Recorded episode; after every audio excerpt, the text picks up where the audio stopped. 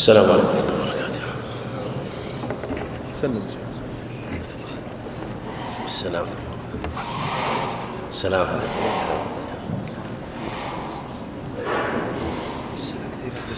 الله يجزاك خير. يتركك الله يجزاك خير. خير الله يجزاك خير.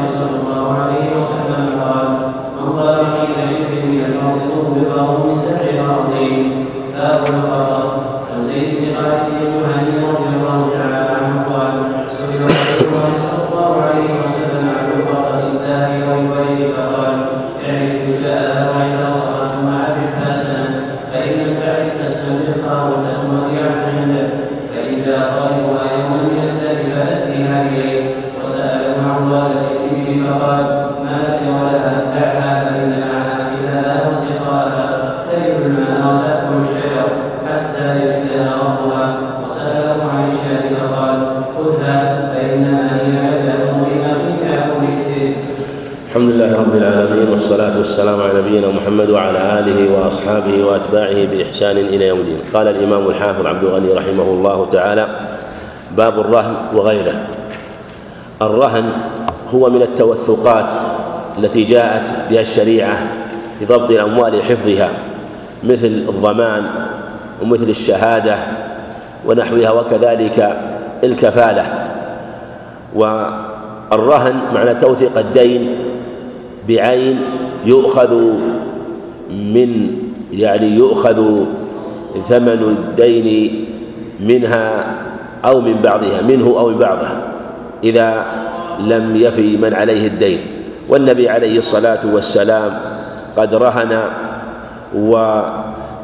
وأيضا عامل عليه الصلاة والسلام وكان طعامه الذي رهنه عند يهودي كما هنا. حديث عائشة رضي الله عنها جاء في معناه حديث أنس في صحيح البخاري وأنه رهن عليه الصلاة والسلام هذا الطعام شعيرا لأهله.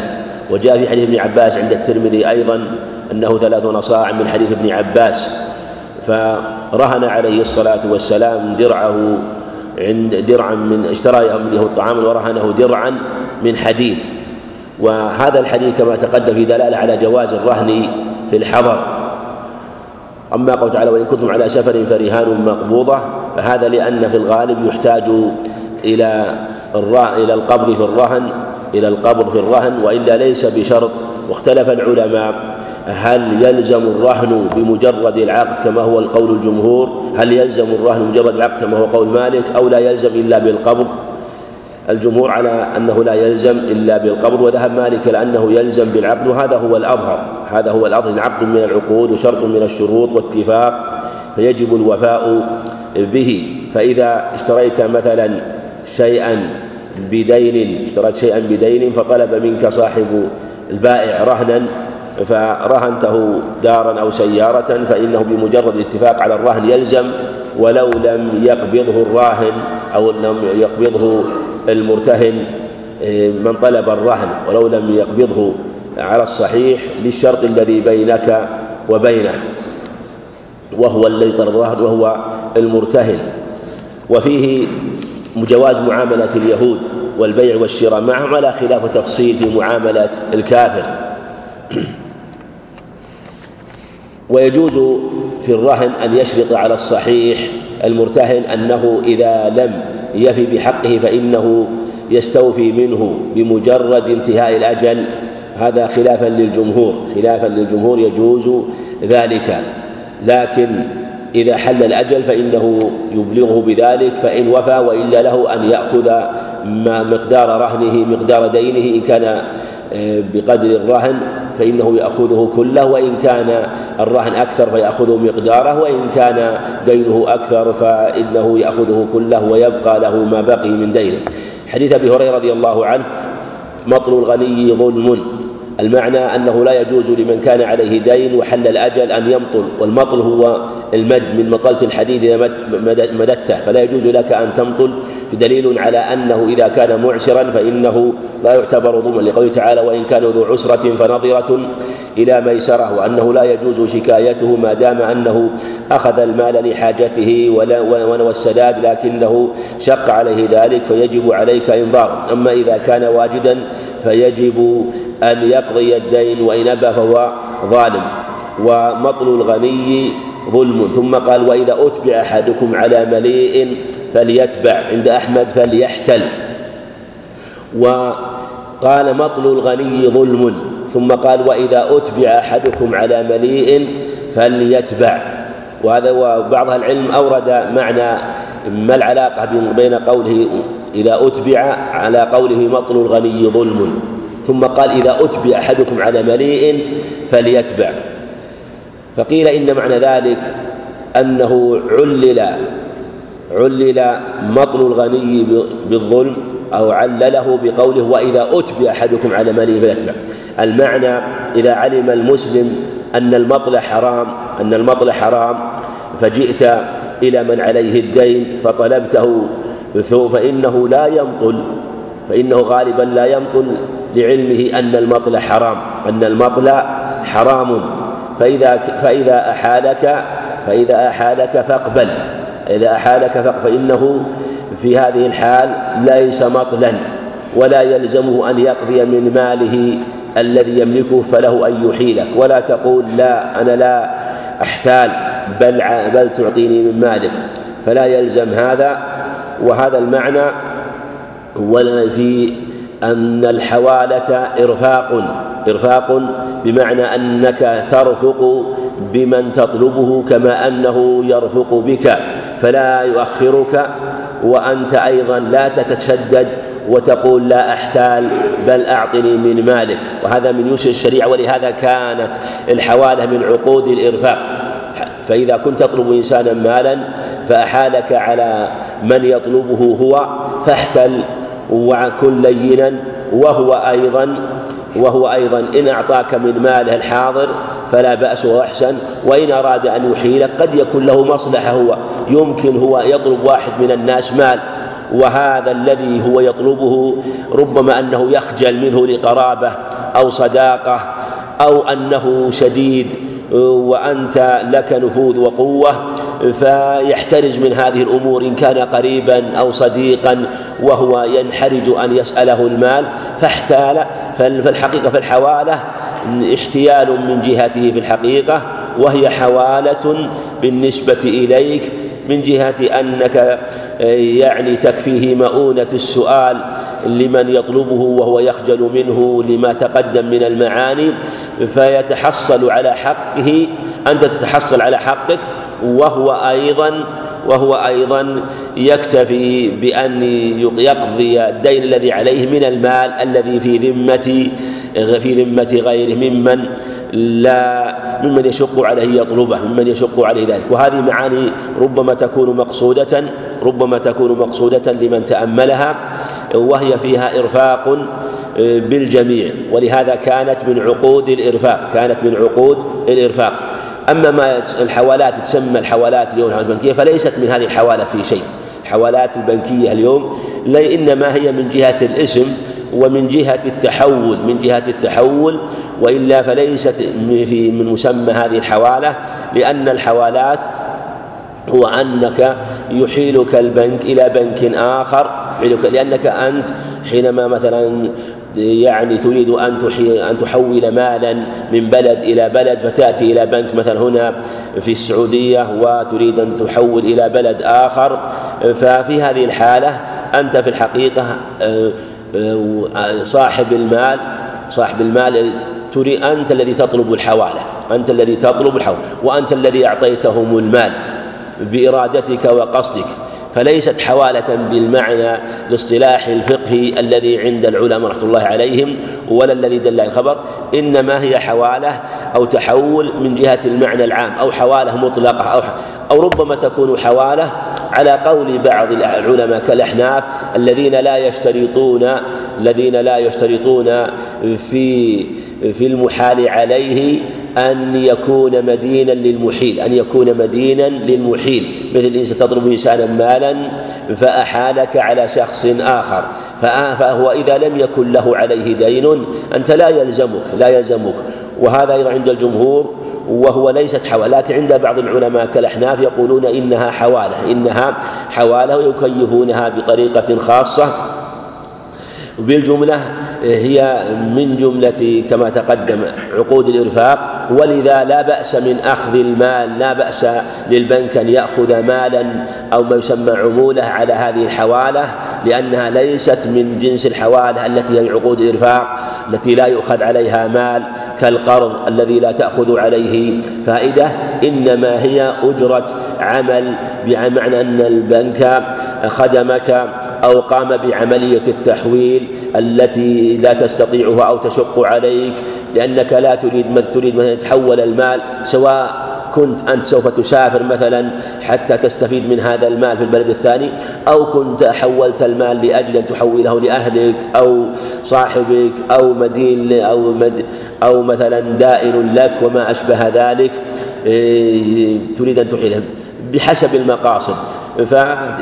فالبنك يعني يحيل المال يحول مالك أنت في الحقيقة يحول مالك أنت في الحقيقة. ثم هذا المال الذي عند البنك هل هو قرض منك أو أمانة؟ هذا موضع خلاف في تكييفه وهو في الحقيقة يأخذ شبها من القرض وشبها من الأمانة شبها من الأمانة على يعني كلام كثير في هذه المسألة. المقصود أنه لا بأس من أخذ المال لكن ينبغي أن يكون المال المأخوذ أن يكون المال لا يكون المال المأخوذ محددا لا يزيد بزيادة المال ولا ينقص بنقصه يكون بقدر العمل بقدر العمل. إلا إذا كان هناك خطورة مثلا في المال الذي يحول لكثرته والمعنى أنه يجتهد في حفظه وفي تحويله فتكون الزيادة من هذه الجهة لا من جهة كثرته بصرف النظر عن هذه المعاني. قال وإذا أتبع أحدكم على ماله فليتبع ثم قوله مطل الغني ظلم.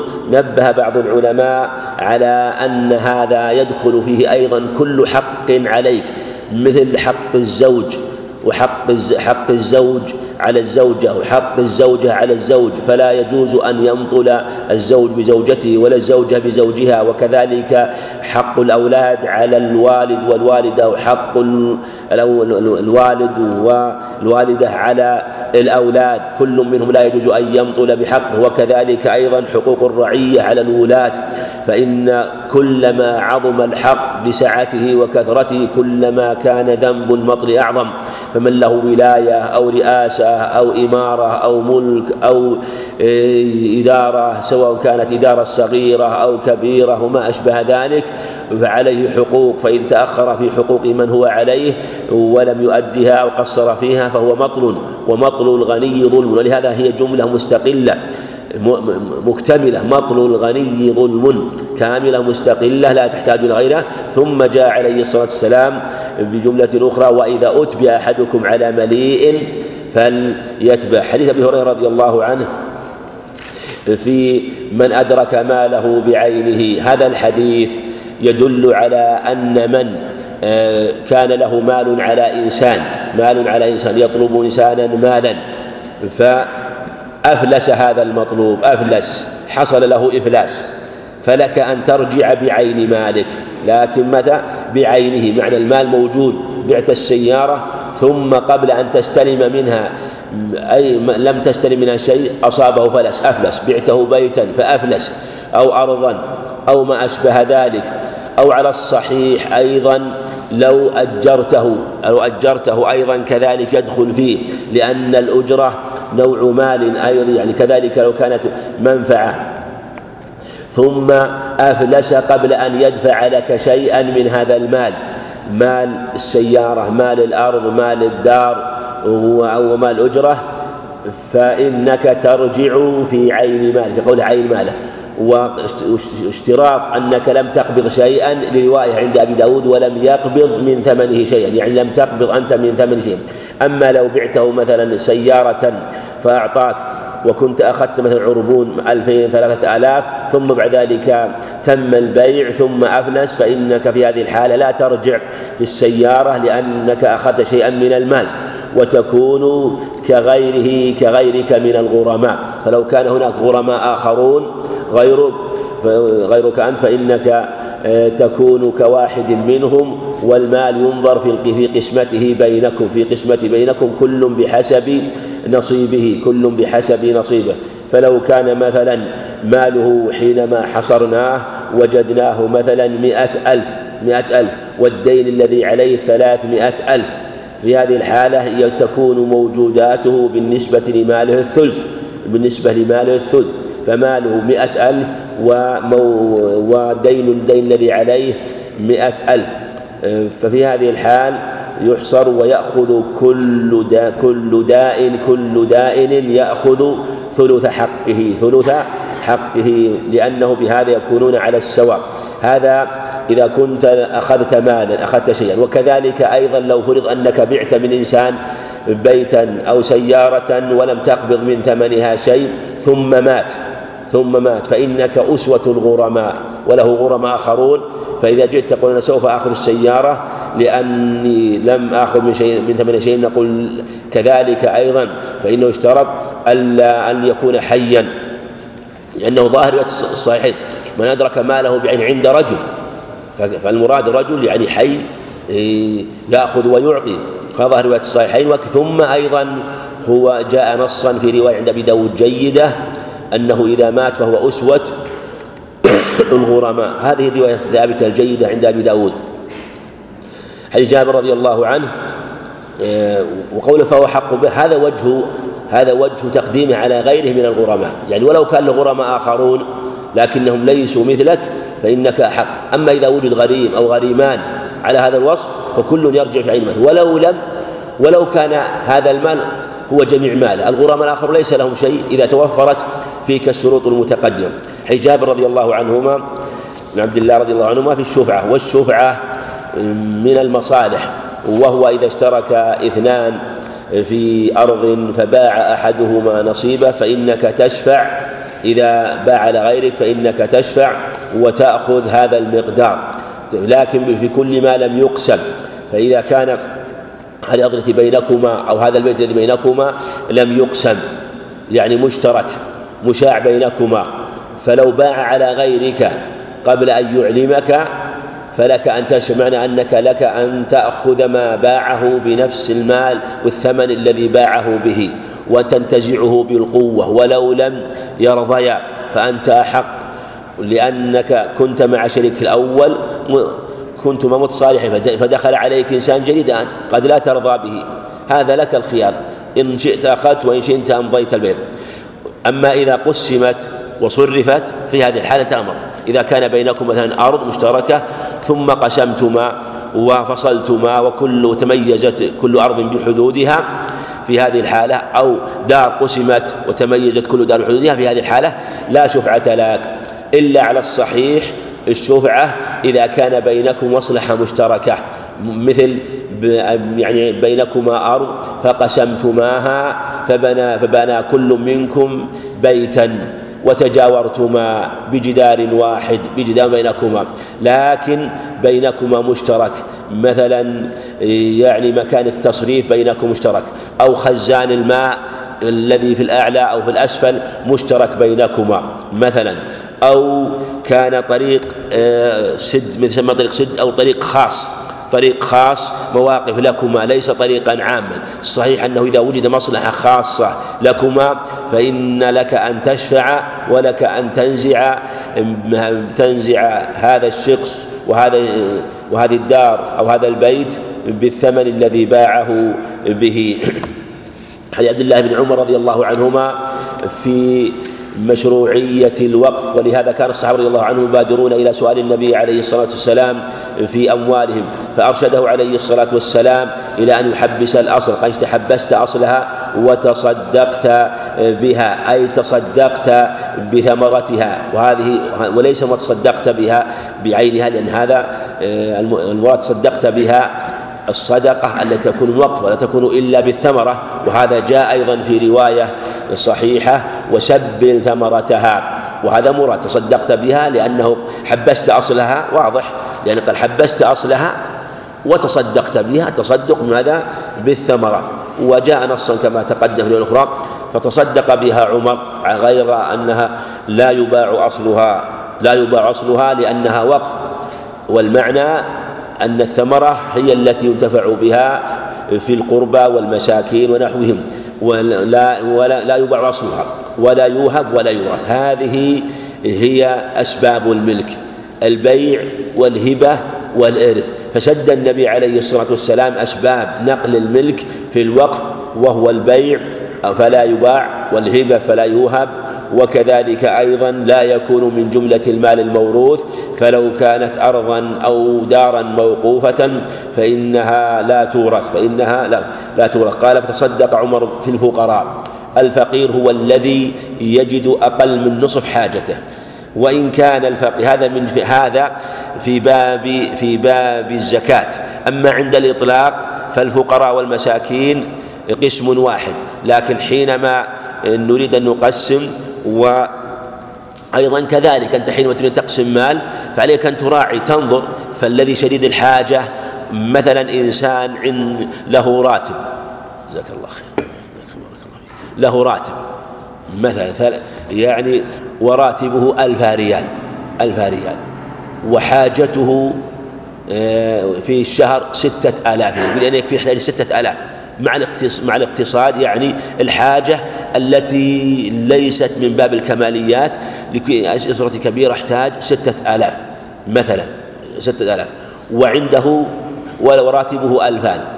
هذا هذا واحد. الثاني مثله آه، مثله لكن راتبه ثلاثة آلاف ريال ثلاثة آلاف ريال وحاجته ستة آلاف ريال. فالأول فقير لأنه يجد نصف أقل من نصف الحاجة لأن لأن حاجته ستة آلاف ونصفها ثلاثة وهو يجد ألفين فهو فقير. الثاني حاجته ستة آلاف ويجد ماذا؟ ثلاثة آلاف يكون؟ مسكين وهو الذي يجد نصف الحاجة فأكثر نصف الحاجة. نصف الحاجة فأكثر يجد ثلاثة آلاف أربعة آلاف خمسة آلاف هذا مسكين. كذلك هذا ألف ريال 2500 مسكين إلى ثلاثة. هذا على القول الأظهر واختلف لكن هذا هو أقرب الأقوال فيهما. ولهذا يتحرى الإنسان حينما يتصدق أو يزكي يتحرى حينما يجد فقراء من حاجته أشد ها؟ فإنه يقدم. إلا لمعنى خاص لمعنى خاص لقرابة مع عدم الضرورة. لكن عند الضرورة يقدم صاحب الضرورة. وفي القربى القربى قرب عمر رضي الله عنه يعني قرابة عمر رضي الله عنه. وفي الرقاب يعني في العتق الرقاب المملوكة وكذلك المكاتبون. وفي سبيل الله الجهاد. وابن السبيل هو المسافر الذي يحتاج ولو كان غنيا في بلده. هذا فقير الآن. أو ابن سبيل في حكم الفقير. إنسان وجدته على الطريق هو تاجر غني. يحتاج إلى كفر في الطريق. ما عنده مال ولا عنده الآن ما عندك زكاة تعطيه من الزكاة. تعطيه من الزكاة. ولا حاجة يقول يعني أعطيك بعد ذلك إذا وصلت أو سلفني له أن يأخذ. له أن يأخذ الآن ولا حاجة يستلف. له أن يأخذ في مكان أو المقصود أنه ليس عند ليس له سبيل إلى وصول أمان وهذا من رحمة الله. يعني إنسان غني وتاجر ومع ذلك تحل له الزكاة ما دام أنه وليس لأحد منه عليه لأنه من أهل الزكاة.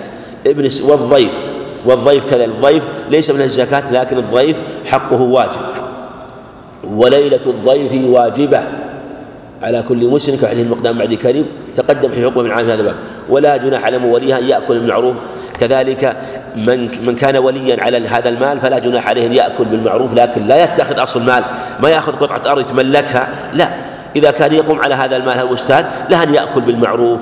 وإن كان مثلا قطع لهذا البستان بالقيام عليه له أن يأخذ لأولاده ولأهله ما دام أنه يعمل عليه بما يصلحه. حديث عمر رضي الله عنه وكذلك حديث ابن عباس الذي بعده في أنه لا يجوز العود والرجوع في الصدقة.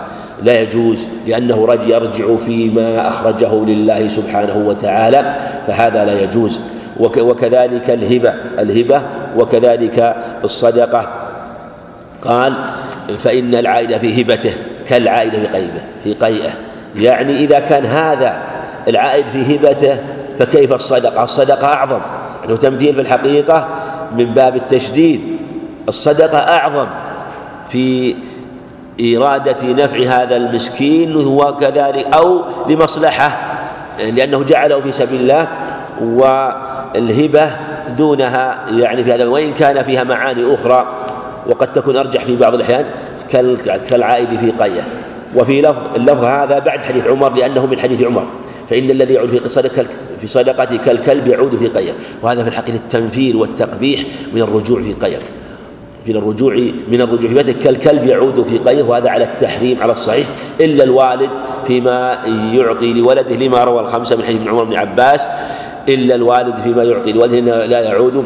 إلا يعني لأمر يريد به المصلحة أو يريد به المساواة ونحو ذلك. حديث ابن عباس أيضا في معنى حديث عمر رضي الله عنه المتقدم. ولهذا في الحديث الصحيح ليس لنا مثل السوء ليس لنا مثل السوء. فالتشبه في الحياة إذا كان التشبه بالكلاب لا يجوز فكيف التشبه بها في أخس صفاتها؟ أقبح أقبح تشبه بها في أخس صفاتها هو العود في القي فنفس التشبه بالحيوانات منهي عنه. فكيف إذا تشبها بها؟ به في صفة دنيئة وهو الرجوع في القي فيشتد التحريم في الحقيقة. حديث النعمان بشير رضي الله عنهما هو بشير بن سعد قال تصدق علي أبي بعض الحديث وفيه دلالة على وجوب العدل بين اتقوا الله واعدلوا بين أولادكم. والعدل هو أن يكون تكون عطيته أن تكون عطيته ليس فيها حيف ولا ميل. يعدلون. ودلالة على أنه لا يجب لا يجب المساواة بين سائر الورثة.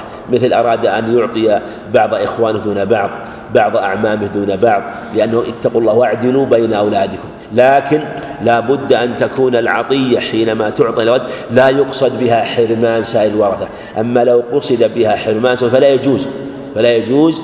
فلو أن إنسان له بنات وقسم ماله بين بناته حتى لا يرثه لا يرثه إخوانه. في هذه الحالة ففي هذه الحالة يكون تكون يكون قصده الحرمان ومثل هذا لا يجوز. أما إذا كان لمعنى خاص لمعنى خاص أعطاهن لحاجتهن ولضرورتهن في هذه الحالة فلا بأس فإن القصود في هذا معتبرة. قوله فلا فلا تشهد إذن فإني لا أشهد على جور هذه الرواية لمسلم. وفيه عناية عناية عليه الصلاة والسلام بالأمة حتى في مثل هذا الأمر والبحث عن مصلحة الأمة. ولهذا قال عليه الصلاة والسلام اتقوا الله اعدلوا في أولادكم. وفيه أن الحرص أحيانا ربما يؤدي إلى ضد المقصود إلى ضد المقصود المبالغة. فعمرة رضي الله عنها قالت لا أرضى حتى تشهد رسول الله صلى الله عليه وسلم. فلما أبلغ النبي عليه عليه الصلاة والسلام ذلك قال لا تشهدني على جور أشهد على هذا غيري. وما أشبه ذلك من الألفاظ جاءت في هذا المعنى. ولفظ فأشهد على على هذا غيري هذه أيضا كذلك لمسلم. حديث عبد الله بن عمر رضي الله عنهما في جواز المعاملة آه، لغير أهل الإسلام كما عامل عامل النبي عليه الصلاة والسلام اليهود. جواز المزارعة بالربع والنصف آه، كما تقدم وفي دلالة على جواز مثل هذا وأن المخابرة التي جاء النهي عنها هي على ما كان مجهولا كما في حديث رافع بن خديج بروايتيه إنه أنه رضي الله عنه قال كنا نكنر على أن لنا هذه. في اللفظ الآخر لنا ذه ولهم ذه وربما أخرجت ذه وربما لم تخرج ذه يعني آه، أما إذا كان شيء معلوم معين فلا بأس. بمال زرعت في الأرض مثلا بهذا المال معين لا بأس. أو زرعتك تزرع الأرض هذه ولك الثلث من ثمرتها. هذا لا بأس لله الحمد. لأننا نشترك في. نشترك في الثمرة جميعا بحسب الشر مثلا لك الثلث وله الثلثان لك النصف وله النصف. لا يضر. مهما طلع من الثمرة فهو بينكم بالشرط الذي اتفقتم عليه. وإن لم يخرج شيء فأنت لم يحصل لك شيء والعامل كذلك لأنه لأن أجرته هو هذه الثمرة. فالمقصود ولم يخرج شيء فأنتما سواء في الربح والخسارة. وهذا هو عين العدل. ولهذا قال ليث بن سعد رحمه الله إن الذي نهى عن النبي عليه الصلاة والسلام شيء إذا رآه ذو البصيرة بالحلال والحرام علم أنه لا يجوز. رحمه الله. وكان ليث بن سعد هذا من علماء الكبار علماء مصر الفقهاء رحمة الله عن عالم جليل كبير. حتى حتى فضله بعضهم على مالك رحمه الله. توفي سنة أربع وسبعين ومائة للهجرة سنة وفاة الليث بن سعد وكلاهما من علماء مصر. لكن لا يقاس ابن لهيعة بالليث بن سعد. وكان رحمه الله له وجاهة عظيمة. وكان إذا سافر وركب البحر يأخذ معه ثلاثة سفن. ثلاث سفن رحمه الله. سفينة لأضيافه وسفينة لمطبخه وسفينة لأهله وأولاده. وكان من معه يكونون في ضيافة رحمه الله فيسعهم بالعلم والضيافة الله عليهم. وهكذا كانت دار العباس. كان العباس داره فيها عبيد الله وعبد الله وكان عبيد الله من أكرم أهل زمانه وهو أصغر من أخيه عبد الله. وإذا جاء الناس صاحوا إذا جاءوا من بلد فيصيح الصائح على ابن عباس. أيها الناس من أراد الشحم واللحم من أراد العلم فعليه بدار العباس. فيوسعهم عبد الله بن عباس علما ويوسعهم عبيد الله بن عباس. ضيافة وكرما فرضي الله عنهم ورحمهم. قال ولذلك آه، قال فبما بما كان على الماديانات وأقبال الجداول هذا هو الذي نهى عنه.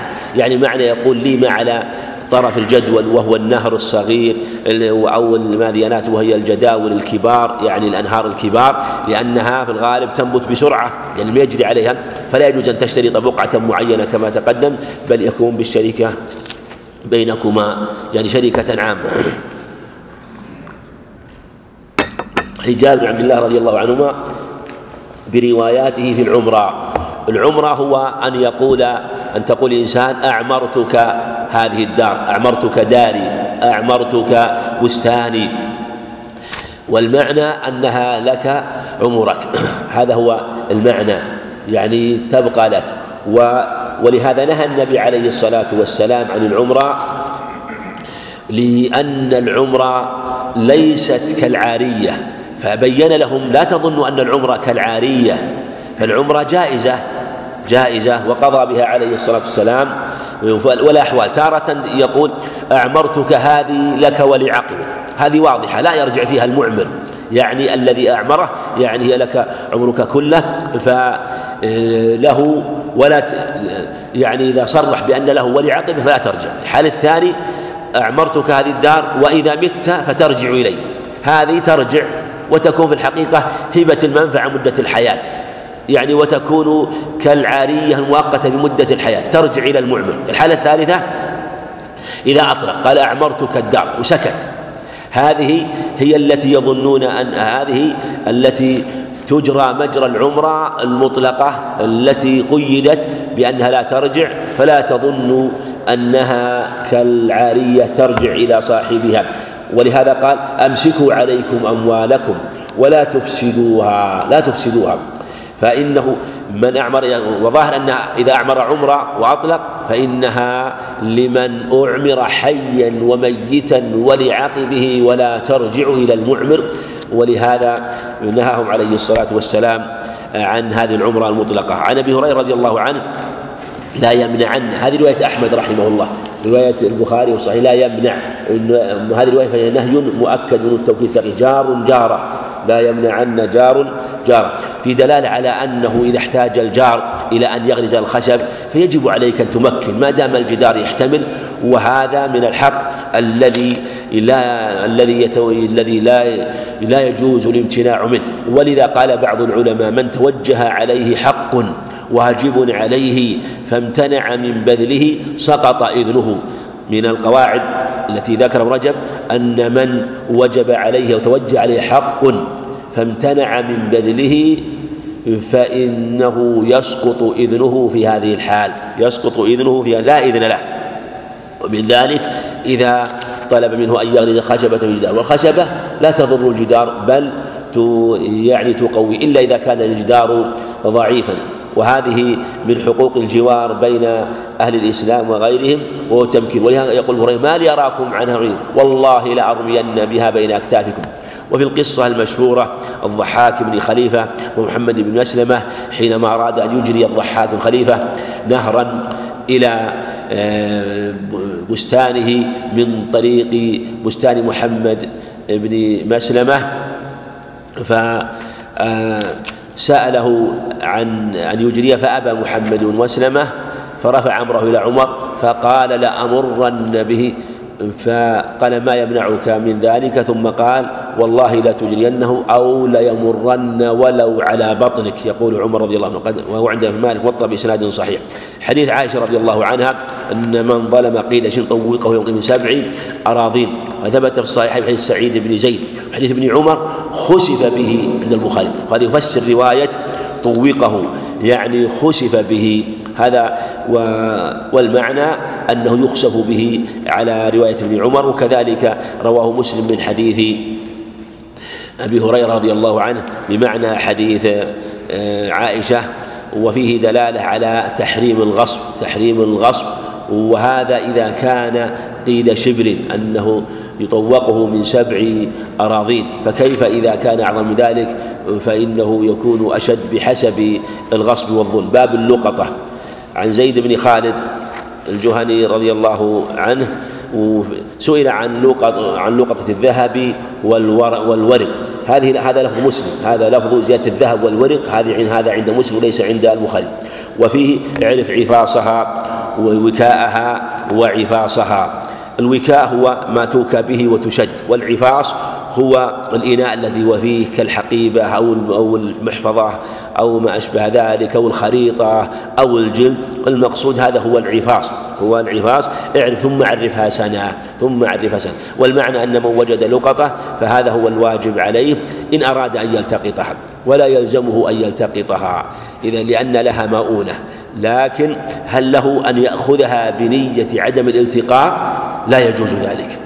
لا يجوز ذلك. إلا إذا غلب على ظنه أنها تسرق أنها تسرق فأخذها بنية الحفظ لكي يوصلها إلى الجهة التي تحفظها فلا بأس على الصحيح ولا يلزمه تعريفه. أما أن يأخذها بغير هذه النية فلا فلا يجوز له يردها بعد ذلك بل عليه أن يعرفها إلا إذا أخذها بنية حفظها خشية أن تسرق خشية أن تسرق فلا بأس ثم مثلا لا بأس أن يوكل من يعرفها أو يبعث بها إلى الجهة التي تحفظها لصاحبها بالتعريف. والنقط كما نعلم يعني ذكر علماء تفاصيل فيما يلتقط وما يلتقط على أخذا من هذه الأخبار وفيه أن الإبل لا تلتقط كما قال عليه فإن معها وكاءها وسي فإن معها حذاءها وسقاها ترد الماء وتأكل الشجر. دعها فإن معها حذاءها وسقاها ترد الماء وتأكل الشجر حتى يأتيها ربها. أما الشاة فقال إنما هي لك أو لأخيك وللذئب وعند أبي داود النسائي بإسناد صحيح عند عبد الله بن عمرو ما يفسر هذا المعنى وأن قول فإنما فإنما هي لك أو لأخيك أو للذئب المعنى احفظها والتقطها لقوله عليه السلام في اللفظ الآخر فاجمعها حتى يأتيها باغيها أي صاحبها. الإبل لا بأس أن تلتقط إذا خشي عليها من المسبع إذا كانت في أرض مسبعة فلا بأس كما فعل عمر رضي الله عنه حينما وضع مكانا لحفظ دواب المسلمين. نعم. قال المصنف رحمه الله تعالى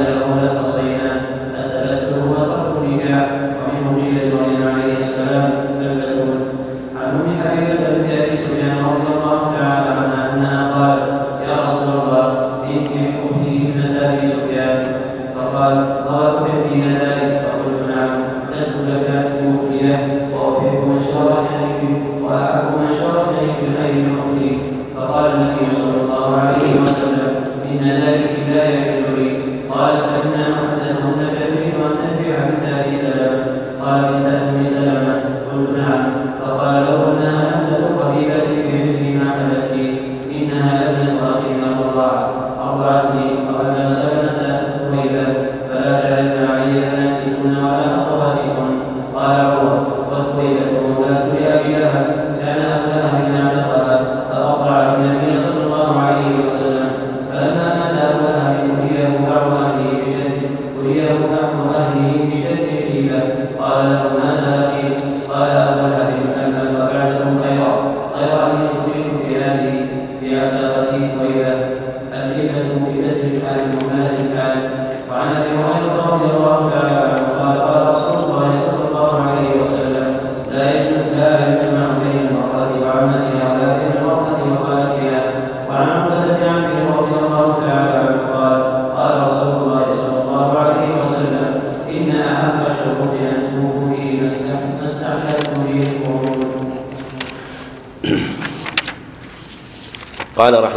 تعالى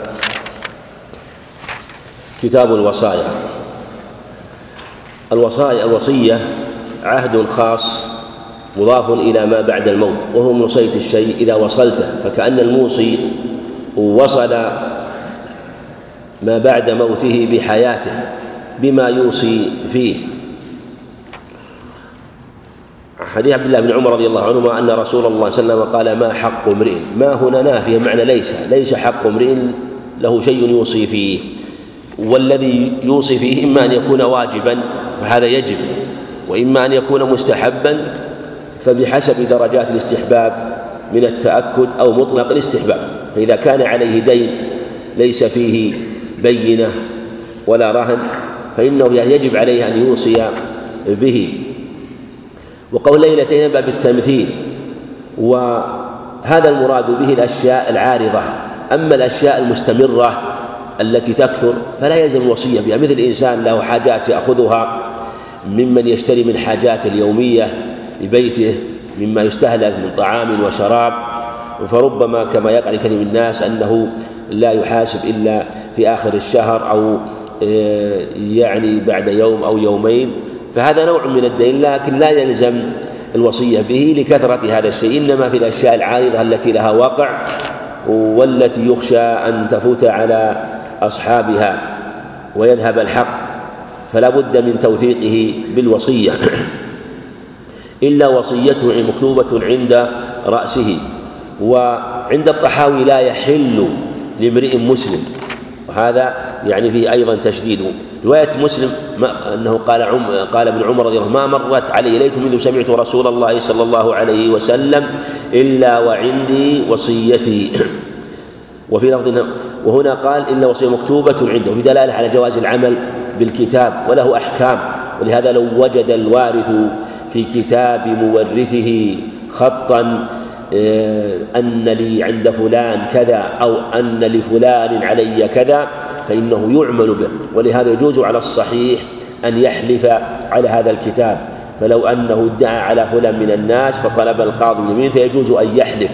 يجوز يحلف بناء على هذا بناء على هذا الكتاب الذي يعرفه من مورثه. حديث سعد بن وقاص رضي الله عنه فيه أيضا أن الوصية تكون لغير وارث وفيه أن الوصية تكون في الثلث فأقل. وفيه أن الوصية ينظر فيها بحسب الورثة فإن كانوا كثيرين والمال قليل فلا يوصي وصية تضرهم.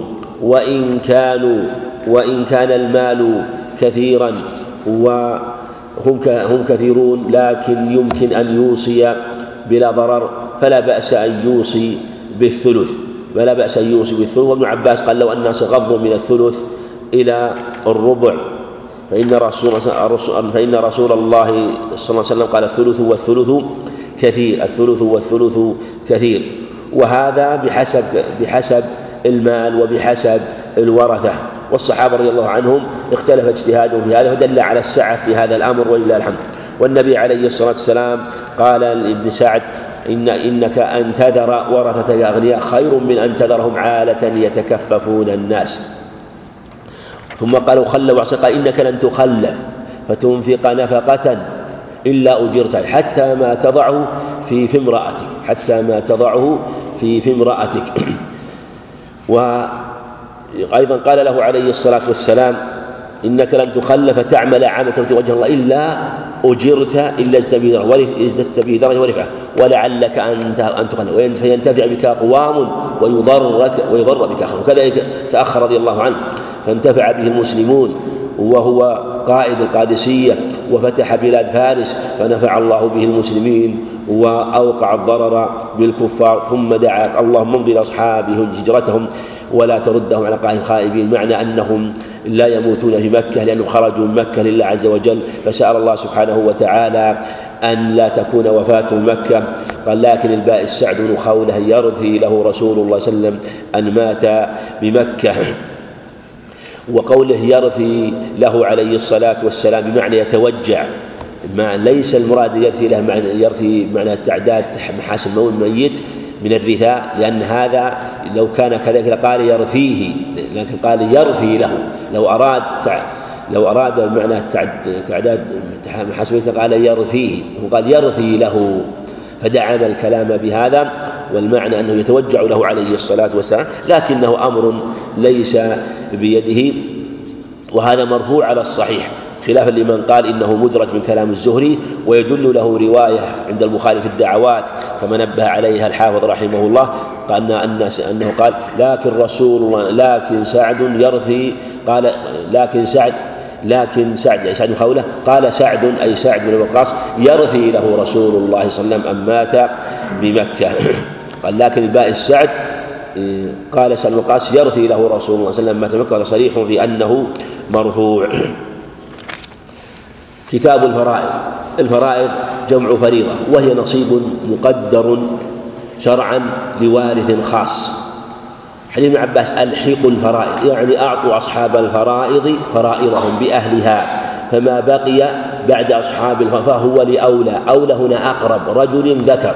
فإذا كان مثلا في المسألة بنت وعم يعطى تعطى البنت النصف والباقي للعم بنت وأخت البنت النصف والباقي للأخ وهكذا بمعنى أنه تلحق الفرائض بأهلها فربما ورث وربما لم يرث ربما ورث وربما لم يرث. فلهذا صاحب الفرض إما أن يرث المال كله كما لو توفي مثلا. عن آه، عم أو أخ أو أب أو ابن فإنه يرث المال كله. لكن هناك هناك من الورثة من لا يسقط مطلقا وهو من يتصل بالميت مباشرة. الأبوان والبنت والأولاد وكذلك وكذلك الزوجان وكذلك الزوجان فهؤلاء من يتصل بالميت مباشرة فهذا ليس هناك أحد يسقطه ليس أحد يسقطه إنما يسقط غيرهم لكن يختلف نصيبه بحسب اجتماع الورثة وقلتهم وكثرتهم. وهنا قال فما ألحق الفرائض بأهلها فما بقي فهو لأولى أي لأقرب رجل ذكر ظاهر هذا الحديث أن مثلا من مات عن بنت وأخت وعم أن الباقي للعم لقوله ألحق الفرائض بأهلها فما بقي فهو لأولى لأن البنت لها النصف لتوفر شروطها.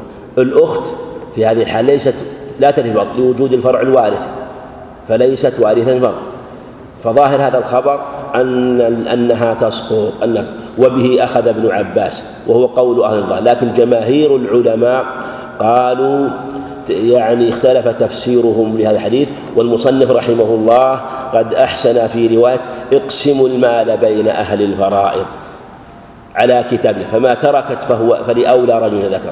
فالمعنى والله أعلم أنه ألحق الفرائض بأهلها يعني من يرث من أهل الفرائض في الجملة. ولو كان في بعض الصور ليس صاحب فرض. مثل الأخت مع البنت ليست صاحبة فرض. ليست صاحبة بل هي عصبة. بل هي عصبة مع البنت. عصبة مع البنت. في هذه الحال هي وإن لم تكن وارثة لكنها وارثة في الجملة. هي من أهل الفرائض. وهذا هو المراد على هذا الحق الفرائض بأهلها يعني من له فرض في هذه المسألة أو من كان من أهل الفروض وإن لم يكن في هذه الصورة وارثا. مثل الأخت مع فالأخوات مع والأخوات حيث كن مع البنات فهن معهن معصبات.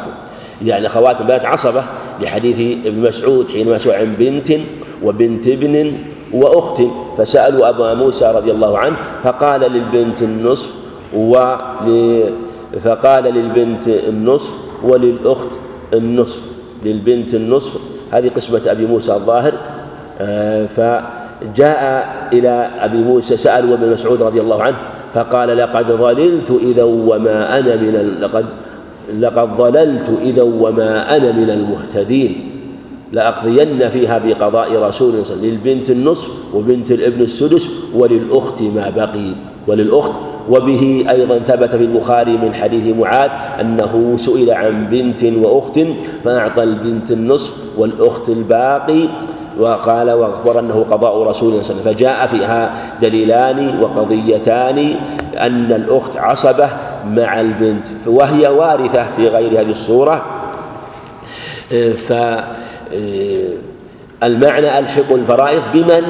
بأهلها من كان وارثا في الجملة. وهذا هو أقرب ما يفسر به الخبر ورواية اقسموا المال بين أهل الفرائض. اقسموا المال بين أهل الفرائض. يعني نعطي أهل الفرائض المال سواء كان صاحب فرض يعطى أو كان هو من أهل الفرائض. قال أهل الفرائض. قال أهل سواء كان في هذه المسألة صاحب فرض أو كان هو في الأصل من أهل الفرض فما تركت فلأولى رجل ذكر. حديث سامة رضي الله عنه قلت قال قلت يا رسول الله أتنزل غدا في ذلك؟ فقالوا هل تراك لنا عقيل من رباع ثم قال يا لا يرث الكافر مسلم ولا المسلم الكافر. المعنى أن عقيلا هو ورث أبا طالب ولم يرثه سائر إخوته لأنهم كانوا أسلموا وعقيل في ذلك الوقت لم يكن مسلما إنما أسلم على ذلك. فلما وقت وفاته كان عقيل كافرا فورثه والمعنى لم لم يرثه لم يرثه بقية إخوانه ممن كان مسلما ممن كان مسلما. فلهذا هل هل ترك لنا عقل ثم قال لا يرث الكافر المسلم ولا المسلم كافر؟ وهذا محل اتفاق في أن الكافر لا يرث المسلم. أما المسلم هل يرث الكافر؟ جمهور العلماء على أن المسلم لا يرث الكافر وذهب معاذ معاذ إلى أن المسلم يرث الكافر وأيضا اختار التقي الدين رحمه الله في بعض الصور وهذه مسألة ربما ترد أحيانا في بعض الصور والقضايا التي تقع لبعض المسلمين ممن لهم ممن يموت يعني إذا مات ميت لهم وهو كافر وكان وأرثه مسلما فتأول بعض علماء هذا العصر وورثه منه وفي خاصة في بعض الصور. لكن قول جمهور العلماء أن المسلم لا يرث الكافر. حديث عبد الله بن عمر نهى عن بيع الولاء وهبته لا يجوز بيع لأن الولاء لحمة كلحمة النسب فلا يجوز. فهم شبهوا بالنسب كما في الرواية الأخرى الولاء لحمة كلحمة النسب. ولهذا يورث به. كما في حديث عائشة رضي الله عنها أنها رضي الله عنها آه، في قصة بريرة وفيه من الفوائد أنه عليه الصلاة والسلام قال لما قيل له لحم تصدق به على بريرة وبريرة آه، من البرير ليست من البر فهي مأخوذة من اسم جامد مأخوذة من اسم جامد ولهذا لم يغيره النبي عليه الصلاة والسلام ليست من البر إن من البرير وهو أعواد الأراك. فكرهنا أن نطعمك منه. فقال هو عليها صدقة وهو لنا هدية. وقال النبي صلى الله عليه وسلم إنما الولاء يعتق. وفيه دليل على أن تبدل يعني آه، تبدل الصفات يؤثر في تبدل الذوات. تبدل الصفات يؤثر في تبدل الذوات. هو أولا كان صدقة عليها ثم لما انتقل إليها لما انتقل إليها وأهدت منه صار يجوز أن صار هدية يجوز أن يأكل منه النبي عليه الصلاة والسلام. فتأثر فأثر تبدل الصفات على الذات وهو هذا اللحم. في أول أمر كان صدقة ثم صار بعد ذلك هدية. ثم إنما الولاء لمن أعتق والولاء يورث به. فإذا مات يعني مولى معتق إنسان أعتق إنسانا أعتق إنسان فهذا المعتق مات. وخلف مالا. هل يرثه سيده الذي اعتقه الولاء نعرف أسباب أسباب أسباب ميراث الوراء ثلاثة. وهي قال آه، قال نكاح وولاء وسب ليس بعده المواريث سبب. النكاح والولاء والنسب فإذا مات الإنسان مات الإنسان فإنه ينظر هل خلفه هل خلفه ورثة من النسب من أصحاب الفروض فيستوفون المال فإن لم يوجد فينظر في عصبة له من ولد وغيره فإن لم يوجد فإنه يرثه سيده بالولاء. الله أكبر الله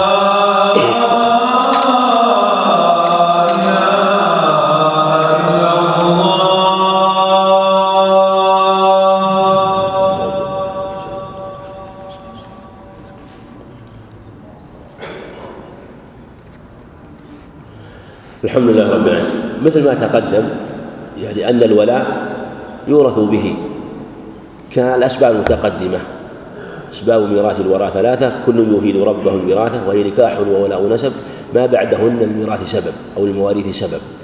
فالولاء يورث به معنى أنه إذا لم يوجد لهذا الميت المعتق من يستوفي المال من أصحاب الفرائض أو من العصبة فتكون فيرثه سيده المعتق لأنه أنعم عليه بالعتق وأخرجه من العبودية والرق إلى سماء الحرية فصارت آه، له آه، معاني أخرى لم تكن له قبل ذلك ومعلوم الفرق في حاله لما كان رقيقا ثم لما كان حرا.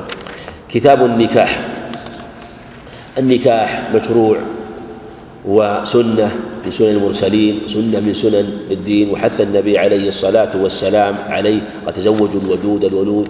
فإني مكاثر بكم الأنبياء كما عند أحمد وفي حديث معقل بن يسار عند أبي داود والناس تزوجوا الودود الود فإني مكاثر بكم الأمم يوم القيامة. في أحاديث حديث الله بن عمرو عند أحمد انكحوا أمهات الأولاد. وما أشبه ذلك من الأخبار. هنا قال يا معشر الشباب خاطب الشباب لأنهم مظنة الشهوة والحاجة إلى النكاح وإلا لو وجد هذا المعنى في غير الشباب فإنهم أيضا مخاطبون من جهة المعنى. من استطاع منكم الباءة وهي مؤونة النكاح. دليله رواية النسائي من كان ذا طول فليتزوج من كان طول دليله أيضا فإنه غض للبصر وأحصن للفرج يعني أشد إحصانا وأشد غضا. ومن لم يستطع فعليه بالصوم. فإنه له وجاء يعني كالوجاء الذي يمنعه من الوقوع في المحظور. وقال ابن عباس سعيد تزوج فإن خير هذه الأمة أكثر فإن خير هذه الأمة أكثرها نساء.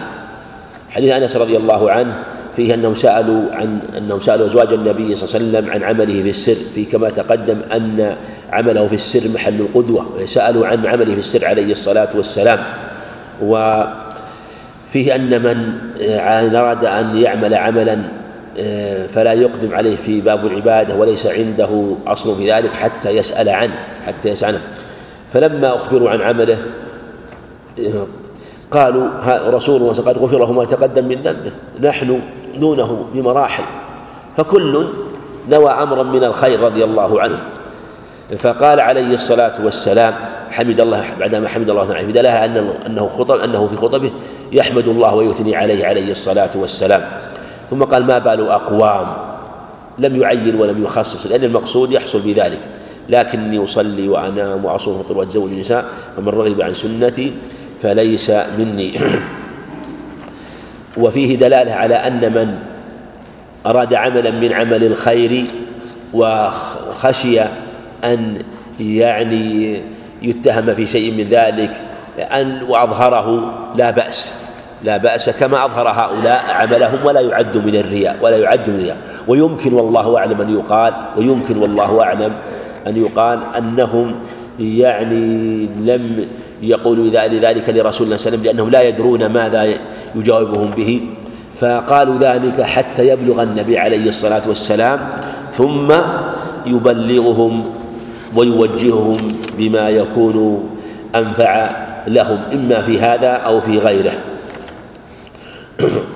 حديث سعد بن أبي وقاص رضي الله عنه قال رد الرسول على عثمان مضعون التبتل ولو أذن له لاختصينا. والتبتل الذي ردهم على عثمان هو ترك اللذات والإعراض آه، عن الدنيا بالكلية وترك النكاح. هذا هو التبتل الذي رده عليه. أما التبتل الممدوح في قوله تعالى وتبتل إليه تبتيلا فهذا ممدوح وهو الانقطاع إلى الله سبحانه وتعالى يعني بالقلب والإقبال عليه فهو التبتل الذي رده هو التشدد في ترك اللذات والمطاعم اللذيذة والنكاح والنبي عليه الصلاة والسلام كان لا يرد موجودا ولا يتكلف مفقودا وكما قال عليه الصلاة والسلام أنه يصوم ويفطر وينام ويقوم ويتزوج النساء. قال ولو أذن له اختصينا وفيهما عن ابن مسعود وعن مسعود أيضا أنهم سألوا النبي عليه الصلاة والسلام وأنهم كانوا في السفر في السفر وكانوا يعني ربما شقت عليهم العزبة فسألوا النبي عليه الصلاة والسلام عن الاختصار فنهاهم عن ذلك عليه الصلاة والسلام. نهاهم عن ذلك وكان حديث أبي هريرة المعلق البخاري أنه اختص على ذلك أو ذر. هذا كان قبل ذلك ثم نهى عليه الصلاة والسلام أو أنه قال لا ينفع. جف القلم وتقتصي على ذلك. المعنى أنه لا ينفع. والمعنى أن الأمر يعني المكتوب لا يعني الواقع. فلهذا فلهذا في حديث جابر حينما كان يعزل عن امرأته حتى لا تحمل ثم قال النبي عليه الصلاة والسلام يعزل عنها فسيأتيها ما قدر لها. ثم قال يا رسول المرأة التي أخبرتك عنها قد حملت. قال أشهد أني أشهد أن لا إله إلا الله وأني رسول الله. قال سيأتيها ما قدر لها. قال المصنف التبتل ترك النكاح منه. قيل المرء البتول المرء عليه السلام البتول.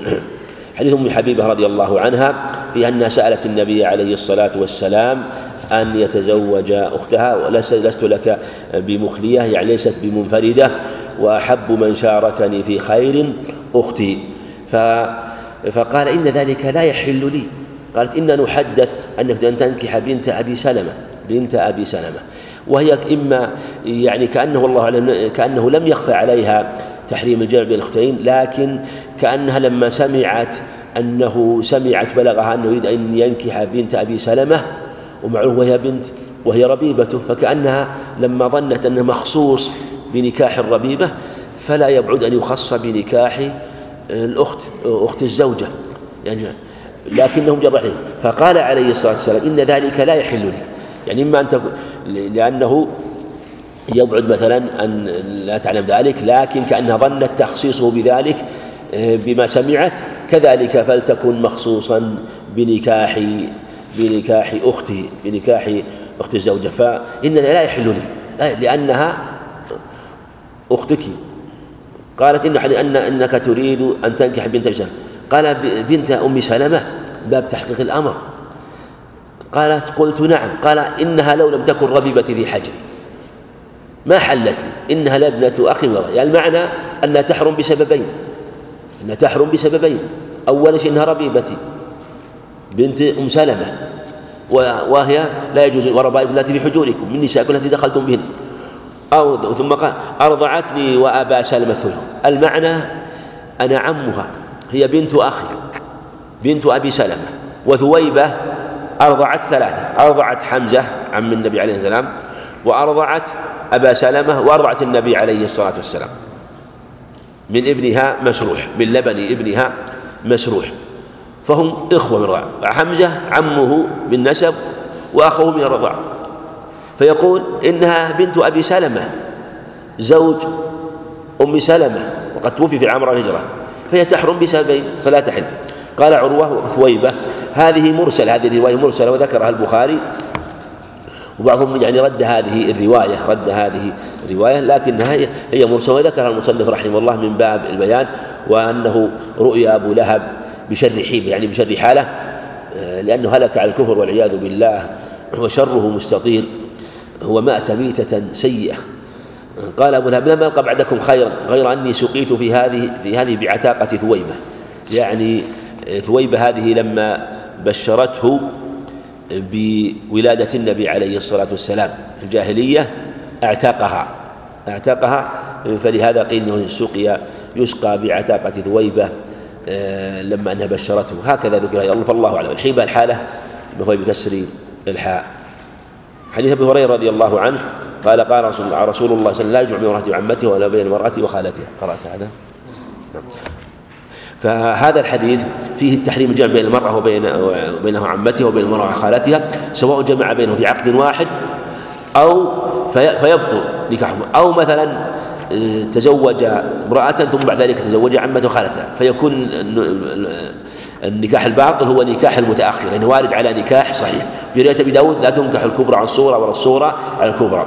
في رواية ابن حبان إن كنا إذا فعلتن لقاطعتن أرحامكن. نعم. حديث عقبة رضي الله عنه عقبة بن عامر قال قال رسول الله صلى الله عليه وسلم إن حق الشروط أن توفوا به ما استحللتم به الشروط. ما استحللتم به الفروج إن حق الشروط أن ما استحللتم به الفروج وهذا حديث عظيم. إن حق الشروط أن توفوا ما استحللتم يعني الذي استحللتم هذا عام. والصواب أن هذا ليس في الشروط التي يقتضيها العقد كما قاله الجمهور. بعضهم قال إن هذا في الشروط التي يقتضيها العقد. وش الذي يقتضي العقد؟ يعني العشرة بإحسان وجوب النفقة والعشرة والعشرة آه، الواجبة. هذه يقتضيها العقد. ما حاجة تشترط. ما له حاجة يقول يعني حينما يتزوج يقول بشرط أنك تنفق عليها بشرط أنك تبيت عند يعني لا تهجرها بشرط أنك يعني إذا آه، إذا تزوجت عليها أن يكون لها حق في المبيت. أشياء واجبة. أشياء واجبة بالعقد. يقتضي عقد إنما هذه شروط تشرطها الزوجة أو أو وليها أو يشرطها أو يشترطها الزوج. شروط مثل لو شرطت الزوجة بشرط أن تقول أتزوجك بشرط ألا تخرجني من بلدي بشرط ألا تتزوج علي. يصح مثلا. أو يشترط عليها مثلا شرط فتقبل. شروط أخرى لو لم تذكر لم آه، تكن لازم. هذا هو الواجب من قولها حق. لأن أحق يقتضي أنها شروط آه، يعني متفاضلة وغير تلك الشروط. أما ذاك الشرط فهو لازم الشروط المقتضية هذه لازم مقتضى العقد كما تقدم. نعم. قال المصنف رحمه الله تعالى وعن رحمه الله تعالى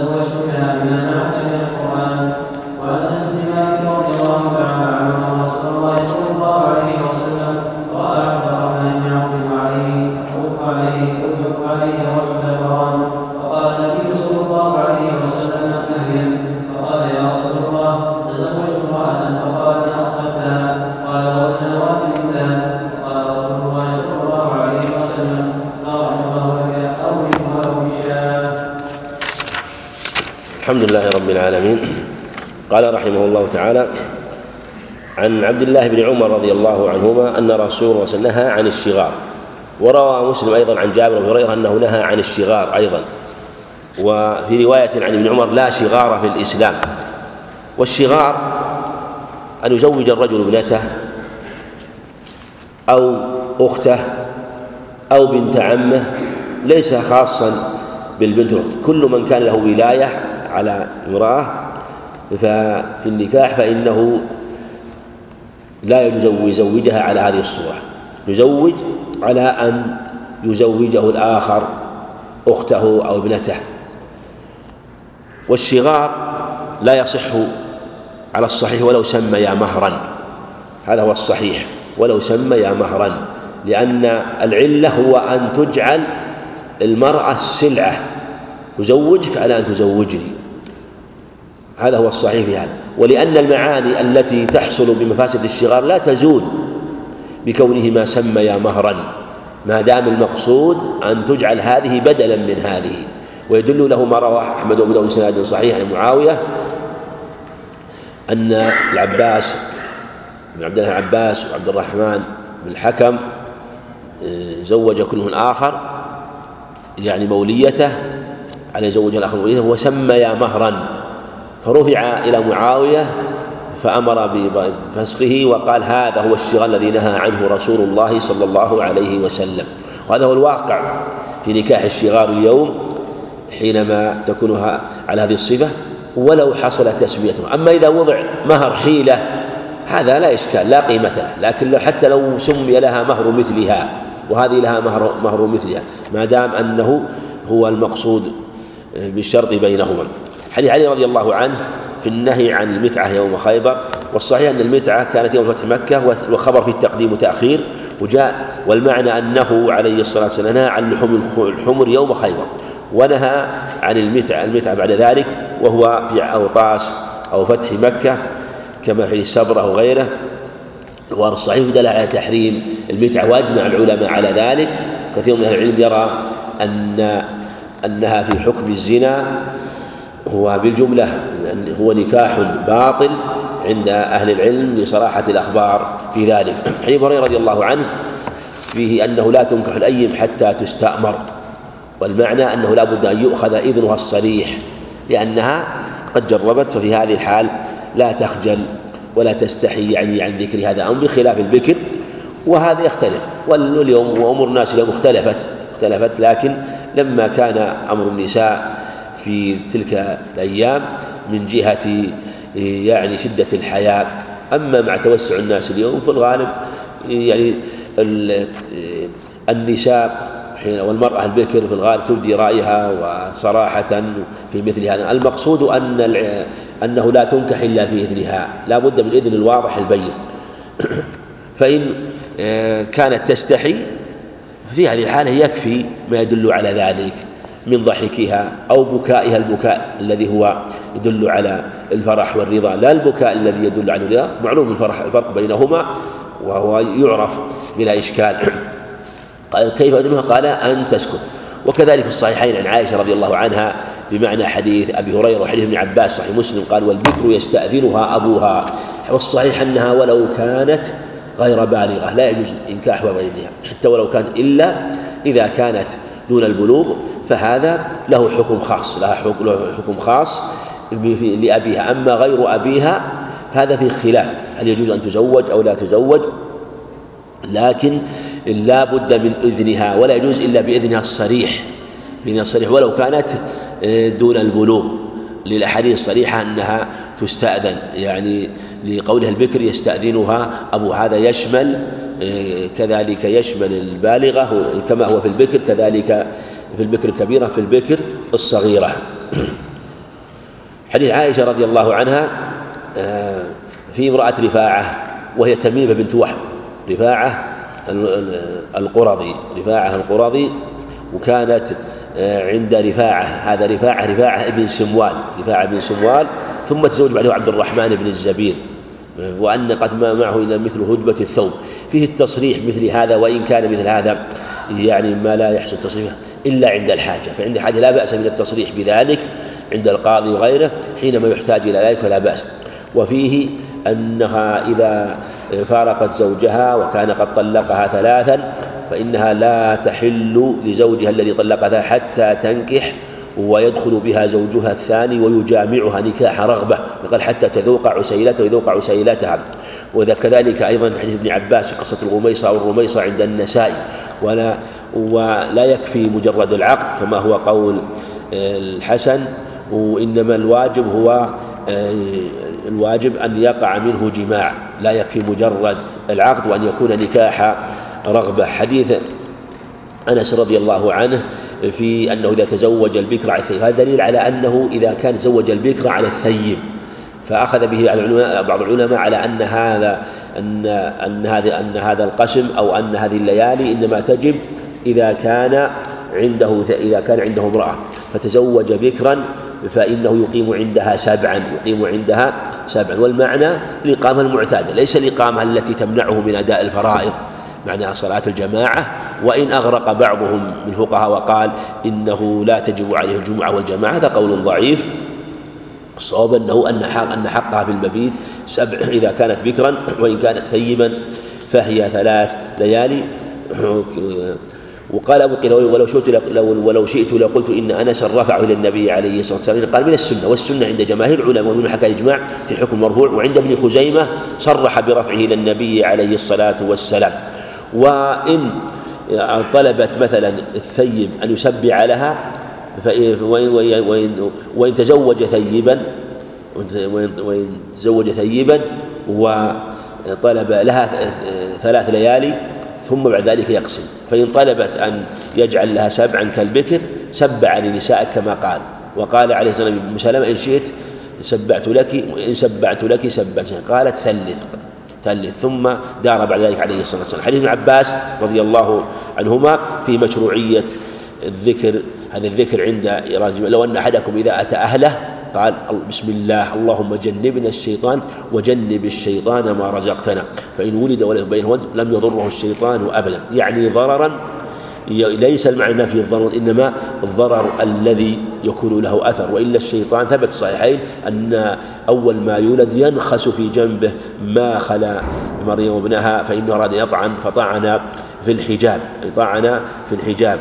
فأما ما يعرض الإنسان فهذا قد فهذا لم ينفى إنما الشيء الذي يقع به الضرر آه، يترتب عليه ضرر بمعنى يؤثر عليه أثرا بالغا آه، ولهذا آه، كما تقدم في حديث أراد يقع فطعن في الحجاب ثم إذا نفي مطلق الضرر حصل مطلق ما في الخبر من نفي الضرر أو لم يضره الشيطان أبدا ضررا يوقع بمقصود الشيطان في هذا الإنسان. وذلك ببركة التسمية ببركة التسمية. عن عقبة بن عامر رضي الله عنه قال إياكم والدخول على النساء. تحذير من دخول النساء. والنبي عليه عليه الصلاة والسلام قال ما خلا رجل كان الشيطان ثالثهما. قال ما تركت فتنة بعد أضر على الرجال من النساء. ولا شك أن خلوة الرجل بالمرأة الأجنبية ضرر عظيم وكم من المفاسد بخلوة الرجال بالنساء وخاصة حينما تتسامح المرأة في مظهرها وفي لباسها. فلا شك أن الضرر عظيم والسلف حذروا تحذيرا عظيما من الخلوة بالنساء أخذا بنصوص النبي عليه الصلاة والسلام والأدلة في هذا الباب. فقال رجل من الأنصار يا رسول الله رأيت الحمو الحمو في الحقيقة قريب قريب الزوج أبوه وابنه الأحماهم أقارب الزوج والأختان أقارب الزوجة والأصهار يشمل الجميع الأصهار يشمل أقارب الزوج والزوجة أما الأحماء فهم أقارب الزوج والأختان أقارب الزوجة. فرأيت الحمو يشمل أباه وابنه وهم محارم لكن كأنهم والله, والله أرادوا الحمو الذي لا يحرم وهو القريب الذي ليس محرما له ولهذا فسر الليث الحمو أخو الزوج وأشباهه من من عم نحوه ممن يحرم ممن ممن ليس من محارمها لماذا؟ لأن دخوله لأن أخو الزوج دخول دخوله بيت أخيه لا يستنكر عند الناس ليس أجنبي ليس أجنبي فلو دخل فليس عليه يحتاط. ربما الشيطان يدخل وفيها بينهما وربما يوسوس للمرأة يوسوس لهذا الرجل الداخل فعليه فعليه على المرأة أن تحتاط وعلى الرجل يحتاط الزوج يحتاط وكذلك آه، يعني أقاربه يدخل فإياه أن يبالغ في الكلام مثلا مع زوجة مع زوجة أخيه زوجة عمه ونحو ذلك. لكن الكلام المباح الذي يحتاج إليه لا بأس بذلك. لا بأس بذلك. وكان نساء النبي عليه الصلاة والسلام يكلمن الصحابة وكان الصحابة يكلمونهن ويسألونهن عن شأن النبي عليه الصلاة والسلام. وكذلك أهل العلم كان يأخذون عن أهل العلم من النساء فهذا أمر معروف. مع الحشمة والديانة فهذا أمر لا ريبة فيه ولا شبهة ولله الحمد. والله أعلم. وصلى الله وسلم وبارك على نبينا محمد.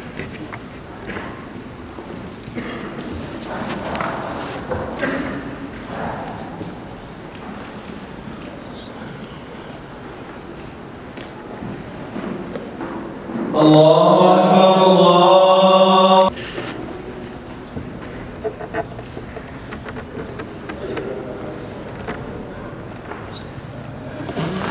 السلام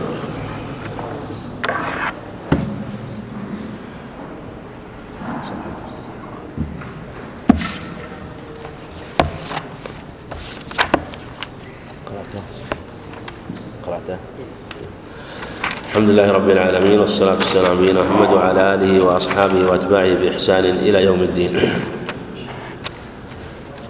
قال الإمام الحافظ المقدسي رحمه الله تعالى أولا نتبع حديث ما تقدم لو أن أحدكم أراد أن يأتي أهله هو أشكل معنى على بعض أهل العلم قول لم يضره الشيطان أبدا. يحتاج أيضا إلى مراجعة كلام الشراح في هذا. وأنا ما اطلعت يعني أو ما تيسر لي النظر الذي يحصل فيه شيء يقع به الثلج والاطمئنان يقول لم يضره الشيطان وأشكل بعضهم على قول لم يضره الشيطان ابدا. لكن يعني ظهر لي معنى في هذا ويمكن أظن ان أشار إليه أحد أنه عليه الصلاة والسلام قال لم يضره الشيطان ابدا ولم يقل يعني لم يوسوس له. فالذي نفى الضرر نفى ضرر الشيطان. والمعنى أنه لا يبلغ مراده لا يبلغ مراده إذا قوله سبحانه وتعالى المشركين لن يضروكم إلا أذى وإن يقاتلوكم ويلكم الأدبار والمعنى أنه يحصل الأذى ولا تسلمون من أذاهم لكن لا يبلغون مرادهم منكم. وكذلك الشيطان فإنه يحرص ويجهد على الوسوسة لإغواء الإنسان لكن من أسباب دفع أذاه وشره هو أن يعتني والداه بهذا المعنى وأن يعتني الزوج كذلك آه، بهذا بهذا الكلام. وكذلك في حق المرأة أيضا لا يمتنع أن يقال كذلك المرأة أن تقول ذلك. اللهم جنبنا الشيطان وجنب الشيطان ورزقتنا فإن ولد بينه وأن لم يضره الشيطان أبدا فلو أنه آه، وقع منه وسوسة فهذا أذى. لا شك لكنه لا يضره لا يضره. ولهذا من رحمة الله سبحانه وتعالى أن هذه الوسوسة تدفع بالذكر بذكر الله سبحانه وتعالى فتحرقه وتطرده وتهلكه. ويكون العبد في جهاد والذين جاهدوا فينا لنهدينهم سبلا ثم قال وإن الله لمن المحسنين. فهذا مما يعان العبد عليه وهو سلاح متيسر ولا لا يحتاج إلى بحث. معك أينما كنت مع سهولته ويسر استعماله. ذكر الله سبحانه وتعالى والتعوذ من الشيطان وشره وتكون في عبادة فيرتفع العبد بجهاده للشيطان وهو من من الجهاد. فيكون هذا هذا نوع من الأذى ويكون سببا للرفعة حتى يبلغ درجات المحسن. قال وإن الله لمحسن فهذا لعل هذا من المعاني المرادة والله أعلم. والصداق والصداق هو كل ما جاز كما قال كل ما جاز أن يكون ثمنا جاز أن يكون صداقا لقوله عليه الصلاة والسلام التمس ولو خاتم من حديث كما تقدم. حديث أنس رضي الله عنه أن رسول الله صلى الله عليه وسلم أعتق صفية بنت حيي وجعل عتقها صداقة دلالة على جواز أن يجعل الرجل الصداق العتق. عنده أنا مملوكة؟ يقول جعلت عتقك عتق عتقك صداقتي وبهذا تكون زوجة له. ما لا ولي ولا شهود انتهى الأمر. هي أصلا مباحة له. غاية الأمر أنه أسقط ملك الرقبة وأبقى ملك المنفعة وإلا هي فراشه. فقال أعتقتك وجعلت عتقك صداقك. فملك بعض ما كان له وترك بعض ما ما كان له فأحسن إليها. كما حديث أبي موسى في الصحيحين أيضا. يعني علمها وتزوجها كان له أجران. الثلاثة الذين أجرهم مرتين. هذا من إحسان إليها. فيسر الله سبحانه وتعالى سبيله وطريقه. نعم. حديث سهل بن سعد رضي الله عنه وطويل وفيه فوائد عظيمة وفي دلالة على جواز أن يكون الصداق أيضا شيء غير القرآن. يعني يجوز لو قال تزوجتك آه، على تعليم القرآن أن يعلمها القرآن. حفظها سورة من القرآن. حفظها مثلا لو قال أراد أن أن يتزوجها وأن يحفظها جزءا جزء عامة مثلا في القرآن. حتى يكون عونا لها في الصلاة. لا بأس. أو على أن يعلمها بابا من الفقه الأحكام الطهارة أو الصلاة أو عندها مسائل مثلا تريد بحثها وصعبت عليها. وكان يعني طالب علم فقالت تزوجك بشرط أن تعلمني هذه المسائل. فلا بأس أن يكون منفعة. زوجها يعلم بابا من أبواب الفقه مسألة من مسائل. كما قال عليه الصلاة لما قاله في الحديث حتى قال هل مع هل معك شيء من القرآن؟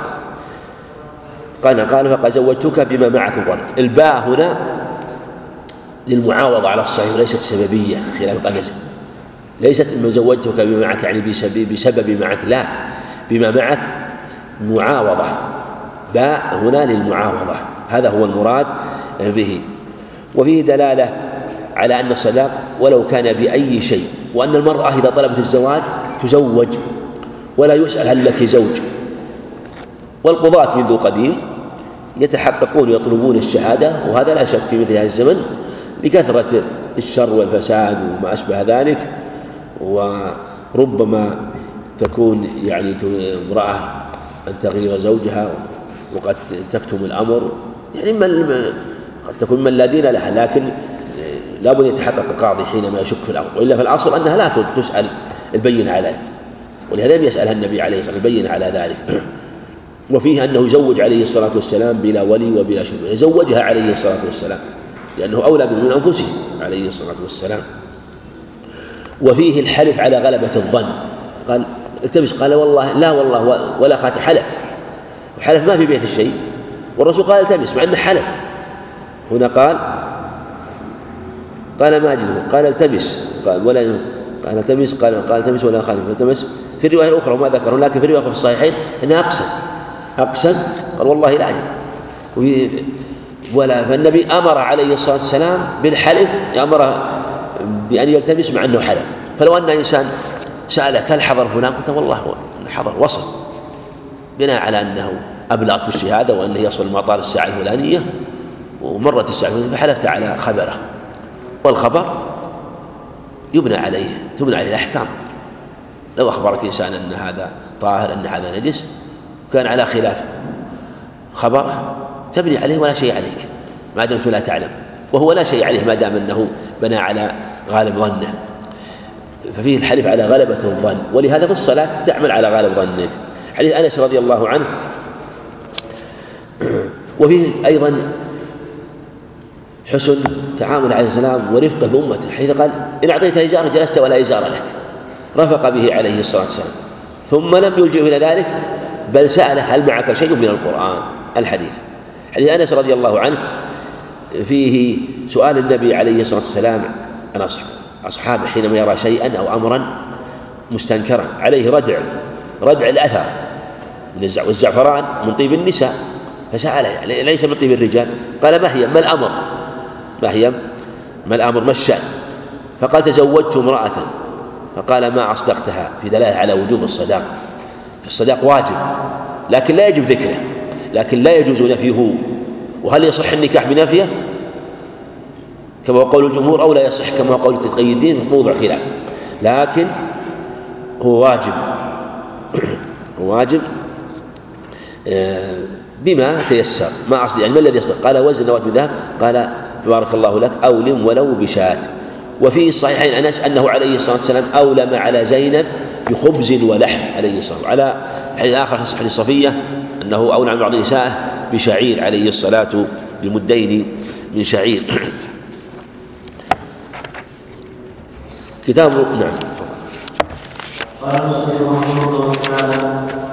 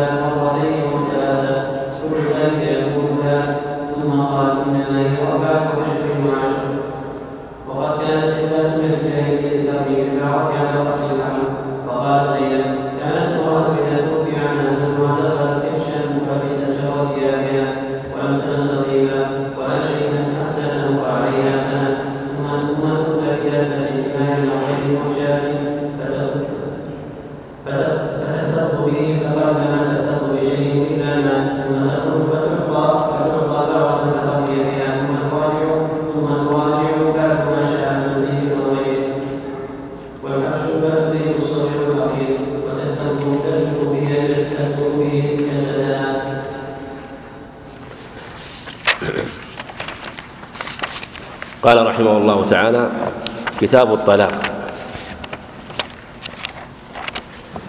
عن عبد الله بن عمر رضي الله عنهما أنه طلق امرأته وهي حائض وفيه أنه عليه الصلاة والسلام تغير بدلالة على حرمة تطليق المرأة الحائض. والصحيح أن العلة لأنه وقت ربما يجهد الرجل في زوجته والمرأة ربما يتغير مزاجها وخاطرها ف قد يوسوس الشيطان ويوقع بينهما فيقع الطلاق. هذا هو العلة. وليست العلة هو طول العدة لكن العلة هو كما تقدم خشية أن يحصل ما بينهم ما يحصل. ففطم الله النفوس عن ذلك حكم النبي عليه الصلاة والسلام وإذا طلقتم فطلقوهن لعدتهن أي مستقبلات لعدتهن. ولهذا الحائض لا تستقبل عدتها بل لا يكون إلا إذا كانت في طهر. وفي دلالة على أن القر هو الحيض. وفيه دليل على أن من طلق امرأته وهي حائض فيجب عليه يراجع.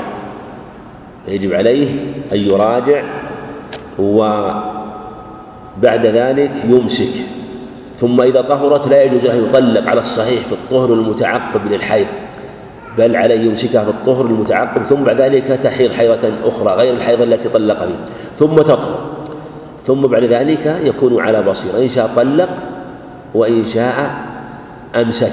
وإذا أراد طلاق فإنه لا يجوز له الجماع لا لا يجامع في هذا لا يجامع. فلو جامع فإنه لا يجوز الطلاق في هذا الطهر الذي جامع فيه. وهذا كله يبين أن المعنى هو خشية آه، أن آه، يعني تنفر نفسه فأمره الشارع أن يمسك. ربما ذلك تطيب نفسه وقد يقع بينهما صلح إذا حصل بينهما ما حصل فتطيب نفسه فيزول ما بينهما. وهذا هو العلة ولهذا الرجوع واجب. على ظاهر الحديث خلافا للجمهور في هذا آه، آه، خلافا للجمهور. والصواب هو قول مالك رحمه الله أنه يجب. أما مسألة الطلاق وعدم وقوع الجمهور على وقوع طلاق الحائضة بعض العلم أنه ليس بواقع.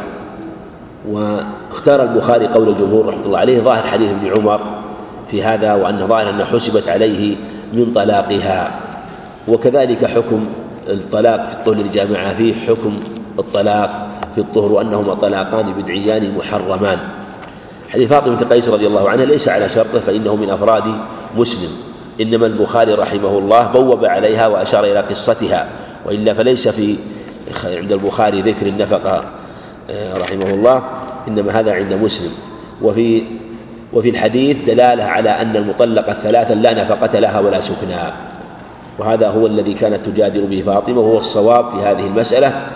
والمسألة فيها خلاف طويل والصواب كما قال لا نفقة لك ولا سكن الحديث الآخر عند أحمد اعلمي يا ابنة آل قيس أنما النفقة للمرأة على زوجها ما كان له عليها الرجعة ما إذا لم يكن له عليه رجعة فلا نفقة ولا سكنى فلا نفقة ولا سكنى. وفي أنه عليه الصلاة والسلام بعد ذلك لما حلت أرشدها وقال أما أبو الجهم فلا يضع عصاه عن عاتقه قيل لأنه كثير الأسفار وقيل أن المراد بذلك أنه ضراب للنساء وهذا جاء في رواية وهذا جاء في رواية وأما معاوية فصعلوك يعني كان في ذلك الوقت يعني لا مال له. ثم بعد ذلك من الله عليه وصار خليفة المسلمين رضي الله عنه ورحمه. ثم أرشدها لنكاح أسامة انكحي أسامة وكأنها كرهت لكن طاعة الله ورسوله خير كما قالت. قالت فنكحت فجعل الله في خيرا واغتبطت به. غبطة عظيمة ببركة إشارة النبي عليه الصلاة والسلام. حديث باب العدة حديث سبيعة رضي الله عنها الأسلمية أنها كانت تحت سعد بن خولة المتقدم الذي توفي آه، في مكة رضي الله عنه وهم بني عامر وأي في حجة الوداع وتوفي عنها في حجة الوداع وهي حامل فلم فلم تنشب هذه العبارة يقول لم تنشب يعني لم تنشب بشيء من الدنيا ولم تعلق بشيء. المعنى أنه أنها وضعت بعد موته بليال كما في الرواية الأخرى بليال إما أربعين ليلة ونحو ذلك فلم تعلق بشيء ولم تنشب بشيء لقلة الليالي فلما وضعت وتعلت من نفاسها تجملت للخطاب رضي الله عنها. فقال أبو السنابل ما قال وظن أنها يجب عليها أن تمكث أربعة أشهر وعشرة وتعالى والذي تفون منكم يذرون أزواج يتربصن بأنفسهن أربعة أشهر وعشرة ولم يدخلها في عن قوله تعالى. وأولاة الأحمال أجلهن أن يضعن حملهن. والصواب أنها عامة في المطلقة والمتوفى عنها وهذا جاء في حديث أبي كعب هي أن لما سئل النبي عليه الصلاة والسلام عن هذه الآية فقال هي في المطلقة والمتوفى عنها. وهذا هو الصواب. فلو توفي عنها ثم بعد الوفاة بعد الوفاة آه، وضعت وضعت فإنها تحل تحل. ولا بأس من ولا جناح عليكم فيما عرضتم من خطبة النساء. أما التعريف فلا بأس.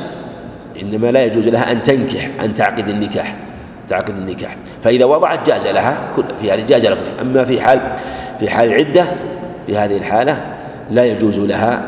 وكذلك المطلقة الثلاثا أما أما التي الرجعية هذه بالإجماع لا يجوز زوجها بالإجماع لا يجوز. إنما المراد توفى عنها أو المطلقة الثلاثا ف ف في هذه الحالة التعريض بها يعني إني في مثلك راغب إني أريد امرأة صفتها كذا وكذا لا يقال أخطبك أو أتزوجك ومما يذكر أن رجلا توفي فمشى الناس في جنازته ومشت زوجته في جنازته محمول على الأكتاف محمول على الأكتاف.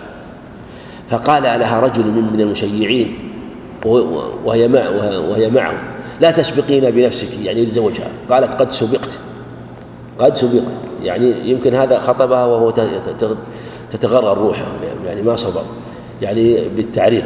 المقصود هذا لا بأس به كما تقدم. فدخل عليه السنابق وبين قال لها ما لي أراك متجملة لعلك ترجين النكاح. وفي أنها سألت النبي عليه الصلاة والسلام وبين أن ما فعلته هو الصواب وأنها لا يلزمها أن تبقى إلى آخر العدتين. هذا قال بعض الصحابة أن المرأة إلى آخر الأجلين إما الوضع أو أربعة أشهر وعشرة. الوضع وإما أربعة أشهر وعشرة. فلو وضعت قبل أربعة أشهر وعشرة بيوم ولازم تكمل هذا اليوم. لكن الصواب أنها إذا وضعت حلت ولو بلحظة. وروى ابن ماجه بسند جيد أن الزبير العوام آه، قالت له زوجته أو إحدى نسائه طيب نفسي بطلقة. هو ظاهر سنة الصحة لا كان وين كان في لفظ بعض الإشكال طيب نفسي بطلقة. فقال فطلقها لما ذهب إلى المسجد وذهب إلى الصلاة. فلما رجع وجدها قد وضعت. قالت قد ملكت نفسي. قال خدعتني خدعها الله. يعني خرجت من العدة خرجت من العدة. والمعنى أنه أنها إذا وضعت حلت. هذا هو الصواب وهو آه، ظاهر القرآن كما تقدم. ولا الأحمال يجعلون يضعن حملهن. قال ابن شهاب ولا أرى, بأسا أن تتزوج حين وضعت. يعني لو أنها وضعت وتزوجت وهي نفاسها لا بأس. لا بأس أن أن يعقد عليها آه، وقت النفاس لأنها قد خرج من عدة لكن لا يجوز أن يدخل بها بالجماع إلا إذا طهرات كالزوج يعني. كما قال هنا زينب بنت أم سلمة حديث أم عطية رضي الله عنهن في أن المرأة إذا توفي عنها زوجها أو لا يحل امرأة له أن تحد على ميت فوق ثلاث إلا على زوج أربعة أشهر وعشرا فلا يجوز الإحداد أربعة أشهر إلا على المتوفى عنها. أما غير المتوفى عنها فلا يجوز. إلا ثلاثة أيام. وهذا مباح. هذا مباح. فلو توفي مثلا أبوها أو أخوها لا بأس أن تحد ثلاثة أيام لأن النفوس ربما يعرض لها ما يعرض وهذا رخصة من الشارع. وإن تركته فأولى وقد لا تصبر. فرخص الشارع والثلاث أيام جاءت في أشياء كثيرة منها الهجرة. يعني الهجرة والمهاجرة ففيها مدة ثلاثة أيام. وجاءت للمهاجر بعد الصدر ثلاثا. في حديث علاء الحضرمي البخاري. جاءت أشياء والثلث جاء وهكذا. فالمقصود آه أنها ثلاثة أيام. أما الإحداد فهو على المرأة المتوفى عنها زوجها أربعة أشهر وعشرة. والإحداد تابع للعدة. فلو كانت حامل واستمر الحمل تسعة أشهر. يستمر الإحداد تبع للعدة. الإحداد تابع للعدة. ولو أن عدتها صارت شهر فإحدادها شهر يعني وضعت بعد شهر. إن هذه كانت حامل. أما إن كانت حائل فلها أربعة أشهر وعشرة. ولا يشترط في الأربع أشهر الحيض حتى ولو لم تحض. لا يشترط الحيض في العدة عدة توفى عنها زوجها. أما أما المطلقة ثلاثا فلا إحداد عليها. والسر والله أعلم أن المتوفى عنها زوجها لو تجملت قد يدعوها هذا إلى النكاح وهي في العدة وزوجها متوفى لا يدفع. عن هذه عن عن زوجته توفى عنها.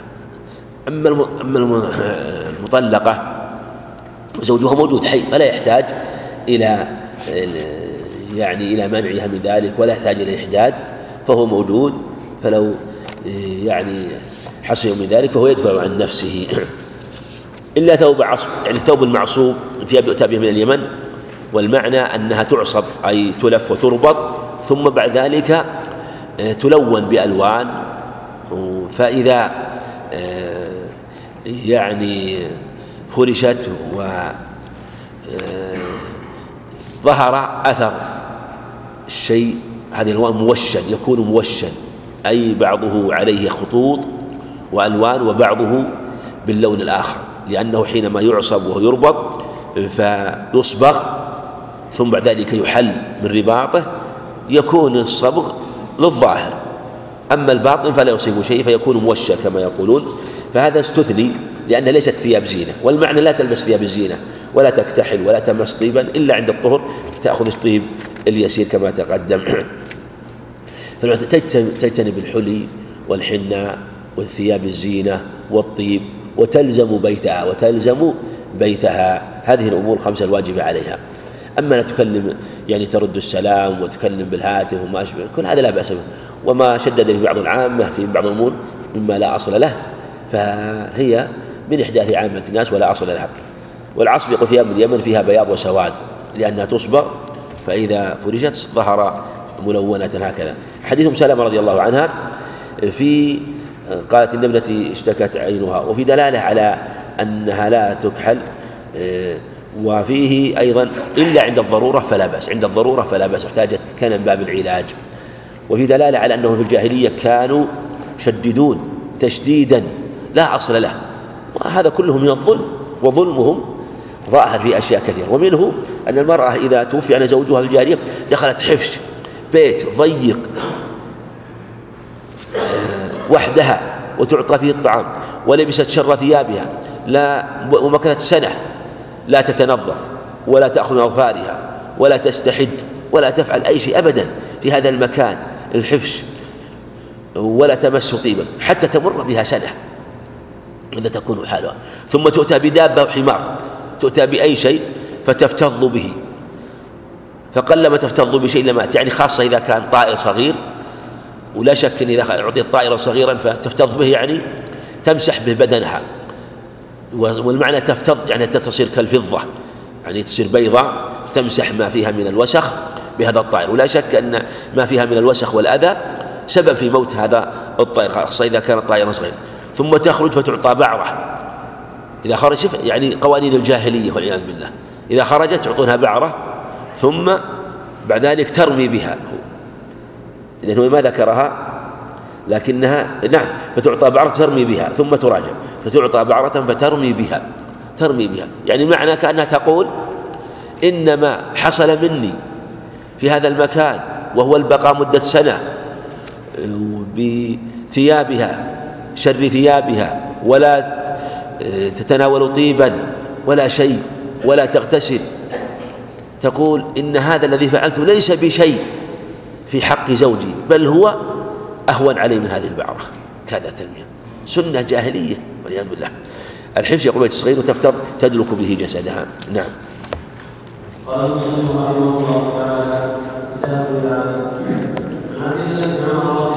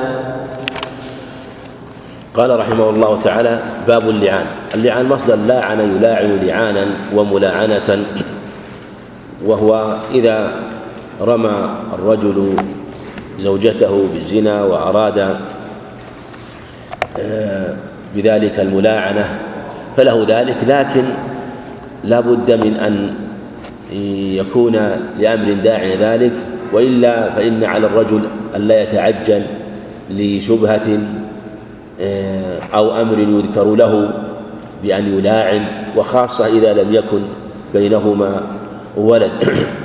حديث عبد الله بن عمر وجاء في معناه في صحيح حديث ابن عباس وجاء حديث أنس في صحيح مسلم وأنه لا بأس من اللعان وإذا وجد ولد وتحقق أنه ليس منه في هذه الحالة يلاعن.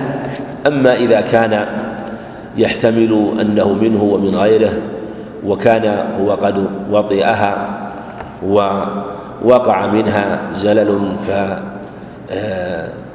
فأشكل آه، عليه الأمر.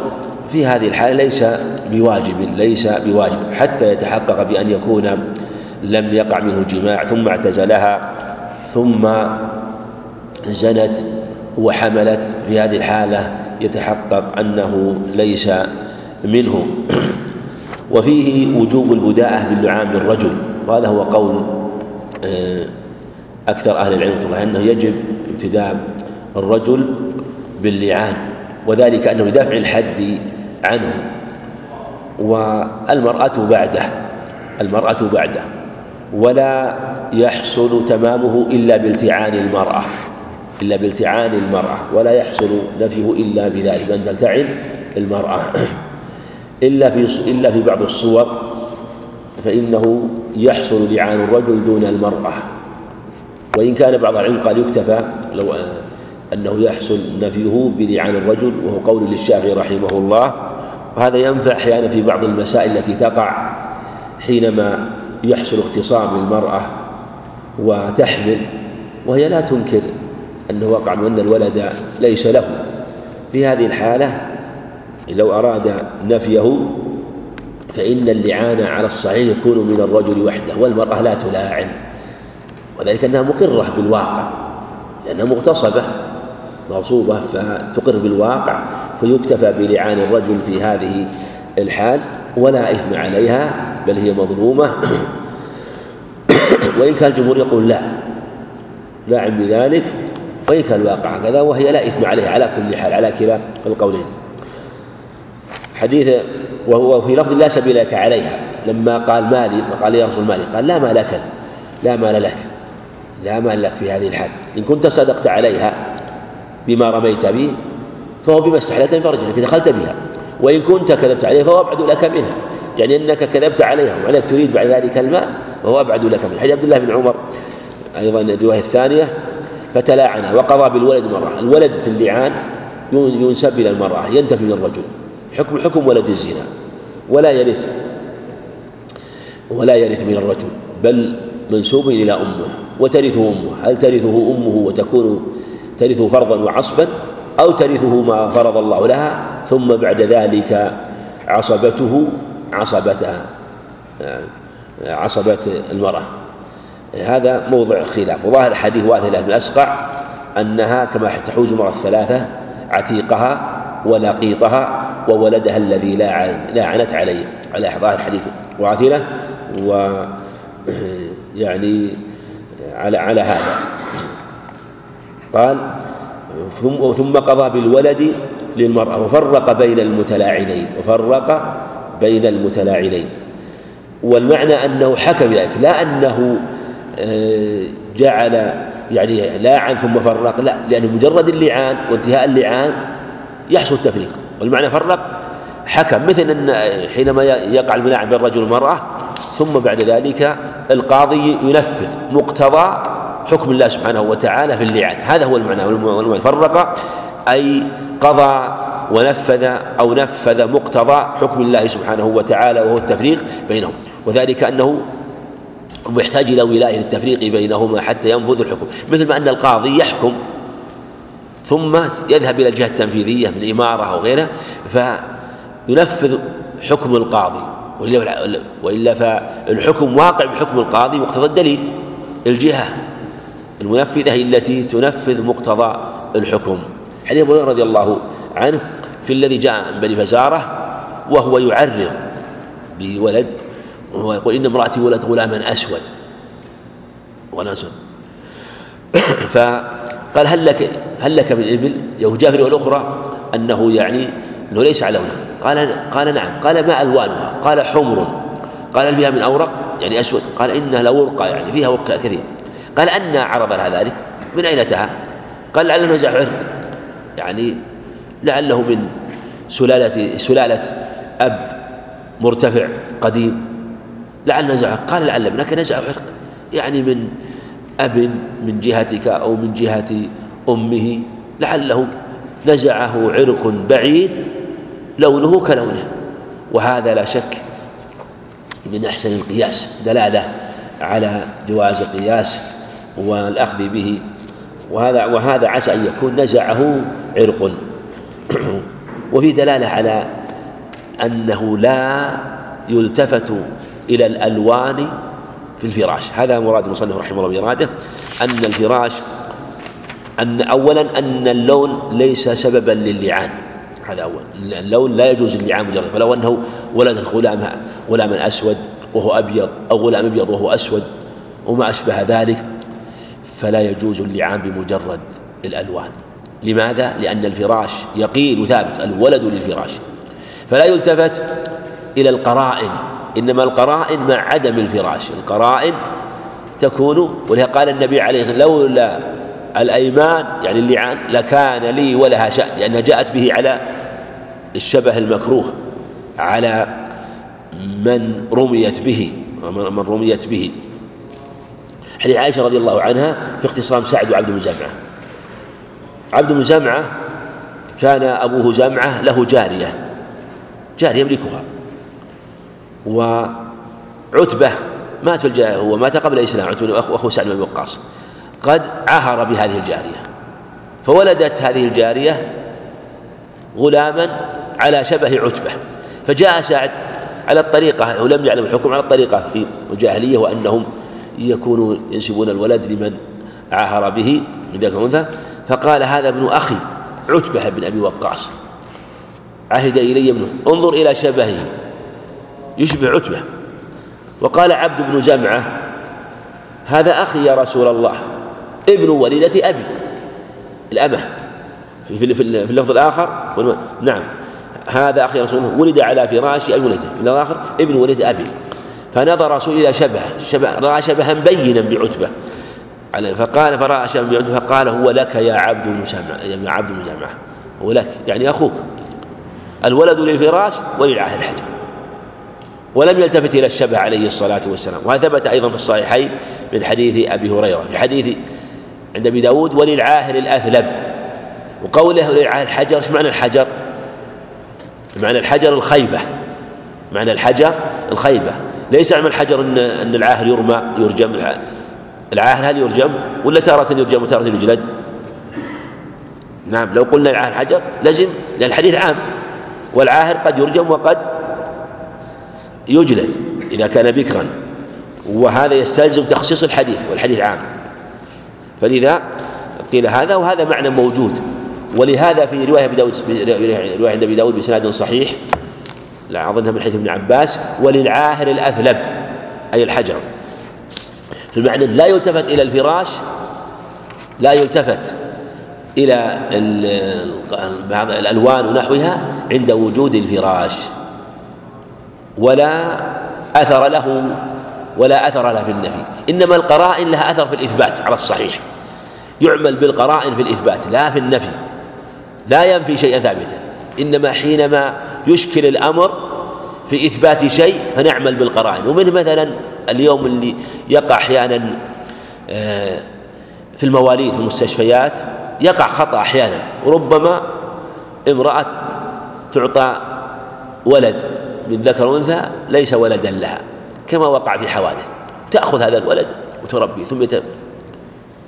ففي فإذا أشكل في هذه الحال ولا يعلم هو ولد هذه ولا هذه لا بأس أن يعمل القانون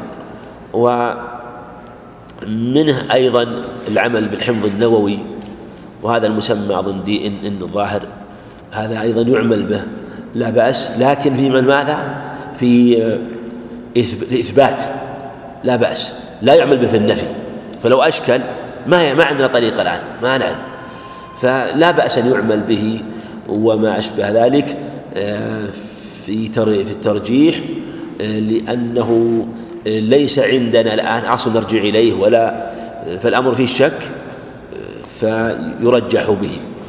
ولذا النبي عليه الصلاة والسلام حديث عائشة لما دخل مجزز المدلجي وكان من بني مدلج وكان لهم آه، بصر بالقافة ومنهم أيضا بنو لهم. أيضا كذلك فهم لهم بصر بالقافة وهم أعرف بها. قال أنها قالت يا رسول إنه دخل علي مس... قال إن رسول الله دخل علي مسرورا تبرق أسارير وجهه وكان بعض المنافقين يطعنون آه، في آه، أسامة لأن أسامة أسود كالقار. وزيد أبيض كالقطن. فقال دخل مرة مجزز رضي الله عنه وما يعرف لا أسامة ولا زيد إلى بيت النبي صلى الله عليه وسلم وكان أسامة وزيد قد تغطيا بقطيفة لحاف. غطيا وجوههما وبدت أرجلهما. أربعة أرجل اثنتان سوداوان واثنتان بيضاوان. فنظر إلى المجزز. ما يعرفهم. قال إن هذه الأقدام بعضها من بعض. يقوله ففرح النبي وسر عليه الصلاة والسلام وهو ليس من باب فهم لكنه فرح بالحق ولأن التقرير لأمر حق. وقرينة آه، يعترف بها وتدفع عنه القالة من هؤلاء أمثالهم لأنهم معروفون بذلك ومشهود لهم بذلك. وفي أن القافية يكتفى بها بواحد ولفظ كان مجزز قائم. هذا اللفظ عند مسلم. حديث أبي سعيد حديث جابر فيه العزل في العزل وهل يجوز ولا يجوز؟ ولهذا قال فلا يفعل لما يفعل أحدكم لما يفعل أحدكم ولما يفعل أحدكم ولم يقل فلا يفعل. قال حسن كأن هذا نهي. والمعنى أنه لا بأس به عند الحاجة لكن لا لا يحسن ينبغي حينما يكون الإنسان يفعله من باب إذا وقع سوء ظن هذا لا يجوز من جهة كثرة الأولاد. لكن هو لا بأس من حيث الجملة وذلك أنه لم ينعقد ولد ولم ينعقد شيء حتى يقال إنه أسقطه أما إذا وقعت النطفة فوقع الخلاف. هل يجوز ولا يجوز؟ والصحيح يجوز في الأربعين عند الحاجة وبعدها للضرورة. بعدها للضرورة. آه، قبل 120 يوم قبل 120 على أحوال تفصيل. أما بعد 120 يوم حينما تفغ الروح فهذا الأصل فيه المنع الأصل فيه المنع ولا يجوز لأنها آه، يعني يكون غالب أنها قد نفخ في الروح كما على ظاهر حديث عبد الله بن مسعود ويقال فإنه ليست نفس مخلوقة إلا الله خالقها سبحانه وتعالى. حديث جابر تقدم قال إني لجارها أعزل عنها. وفيه أيضا حديث جدان بنت وهب أنه عليه الصلاة والسلام قال لو كان ضارا لضر ذكر العزل فقال لو كان ضارا لضر فارس والروم. وكذلك حديث سعد بن وقاص أنه أخبر ذلك وقال إن فارس الروم كانوا يفعلون يفعلون ذلك ولا يضر أولادهم شيئا. ذكر عنهم كالمقرر لهذا. فدل على جوازه وهم رضي الله عنهم يفعلون ذلك في الإيماء فيما يظهر والله أعلم خشية أن تحمل فيمتنع بيعها يمتنع بيعها لتكون أم ولد تكون أم ولد. حيث جابر كن نعجل القرآن ينزل هذا في الصحيحين. أما قوله ولو كان يشونها عن القرآن فهذا زيادة عند مسلم الزيادة عند مسلم وليست للبخاري. حديث أبي ذر رضي الله عنه وكذلك معنى حديث سعد بن وقاص وحديث أبي بكر وحديث هريرة وحديث هريرة لا ترغبوا عن آبائكم فإنه كفر بكم ان ترغبوا عن آبائكم. وفي حديث سعد فالجنة عليه حرام من ادعى إلى غير أبيه وهو يعلم أنه غير أبيه فالجنة عليه حرام. وفيه أنه كفر وهذا المراد بالكفر الأصغر وأنه انتفاء من نسب ولا في حديث أبي بكر أبي بكر أنه لا يجوز الانتفاء من نسب وإن دق. ولهذا قال وليتبوأ مقعده من النار ومن دعا رجل بالكفر أو قال يا عدو الله وليس كذلك إلا حار عليه أي حار عليه هذا الذنب. وكذا عند مسلم والبخاري نحوه كتاب الرضاع. حديث ابن عباس قال في ابنة حمزة لا تحل لي. لماذا؟ قال ابنة أخي ويحرم من الرضاع يحرم من نسب كما تحرم بنت الأخ من النسب لأن عمه كذلك تحرم بنت بنت أخيه من الرضاعة لماذا؟ لأن حمزة عمه من النسب وأخوه من الرضاع. كما تقدم أرضعته وأبا سلمة أرضعته وأبا سلمة ثويبة. أرضعتهم جميعا. وهي ابنة أخي من الرضاعة. حديث عائشة رضي الله عنها إن الرضاعة تحرم ما يحرم الولادة. تحرم ما يحرم الولادة. كذلك آه، أخبار في هذا المعنى أيضا جاء من حديث علي وغيره. ومن النسب حرمت لكم أمهاتكم وبناتكم وأخواتكم وعماتكم وخالاتكم وبنات الأخ وبنات الأخت. سبع من الرضا من النسب. كذلك سبع من الرضاع. هؤلاء يحرمنا من الرضاع ويحرمنا من النسب. وكذلك أيضا يحرم من الصهر أربع بنت الزوجة وزوجة الأب وأم الزوجة وبنت الزوجة وبنت الزوجة. هذه أيضا تحرم. فأربع سبع وسبع أربعة عشر وأربع من الصهر هذه ثمانية عشر. وهل يحرم من الصهر بالرضاع كما يحرم من النسب هذا كذلك. يعني أم الزوجة تحرم إذا كانت أمها التي ولد لكن أمها التي أرضعت تحرم بنت الزوجة التي ولدتها تحرم لكن تحرم بنتها التي أرضعتها كذلك. فزوجة الإبن من النسب زوجة الإبن كذلك زوجة الإبن من الرضاع زوجة من النسب تحرم زوجة الإبن من الرضاع هل تحرم ابنه الذي رضع من لبنه؟ كذلك زوجة الأب أبوه من النسب الأب من النسب تحرم زوجة أبيك من النسب. لا وهل تحرم زوجة أبيك من الرضاع؟ هذه أربع اختلف فيها. الجمهور على أنها تحرم وذهب شيخ الإسلام ابن القيم رحمة الله عليه إلى أن إلى أن الذي يحرم من الرضاع ما آه، كما في الحديث ما يحرم من النسب لا يحرم نظيره من الصهر. إلا الأربع هؤلاء دون دون ما كان من الرضاع. وحديث عائشة رضي الله عنها أن أفلح أخ أبي القعيس هذا فيه تحريم لبن الفحل تحريم لبن الفحل. وهي ظنت أن اللبن اللبن ليس لم لم ترضع من الرجل وأن لا تحرم إلا من جهة أمها من الرضاع. من جهة أمها من الرضاع. أولاد من جهة أولادها ومن جهة إخوانها وأخواتها يعني من جهة الأم لا من جهة إيه، زوج المرأة. فجعلت اللبن من جهة المرأة لا للفحل فقالت ليس هو أرضعني ولكن رضعتني امرأة بالقعيس فليس عما لي. فدخل علي رسول الله رسول الله صلى الله عليه وسلم. وهو نفس في القصة في الرواية الأخرى أنه قال لها أبو القعيس إني عمك أنا عمك أرضعتك أرضعتك زوجة أخي بلبن أخي. فقالت إنما رضعتني ولم يرضعني الرجل. تقول رضي الله عنها. وهذا بفقه نظرها قبل أن تعلم الحكم. فقال عليه الصلاة والسلام فقلت يا رسول إن الرجل ليس هو أرضعني ولكن أرضعتني امرأته. فقال أذني له فإنه عمك تربت يمينكم.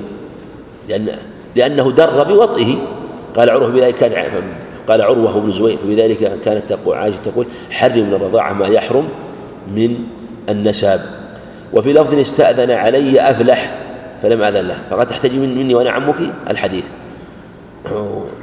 وقد صدق أفلح إذن له تربت يمينك. وهذه دعاء لا يراد آه، ظاهره كما تقدم إنما يجعمون به الكلام أي افتقرت أي افتقرت والعبد تدعو على الرجل ولا تريد وقوع الأمر به.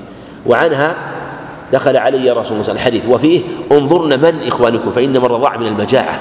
يعني الرضاعة التي تحرم هي الرضاعة التي تشبع. ولا تشبع إلا الصغير. أما الكبير لا تشبع الرضاعة فلو رضع الكبير يحتاج إلى أكل. أما الصغير هو الذي يشبع وقال انظرن من إخوانكم فإنما الرضاعة من المجاعة.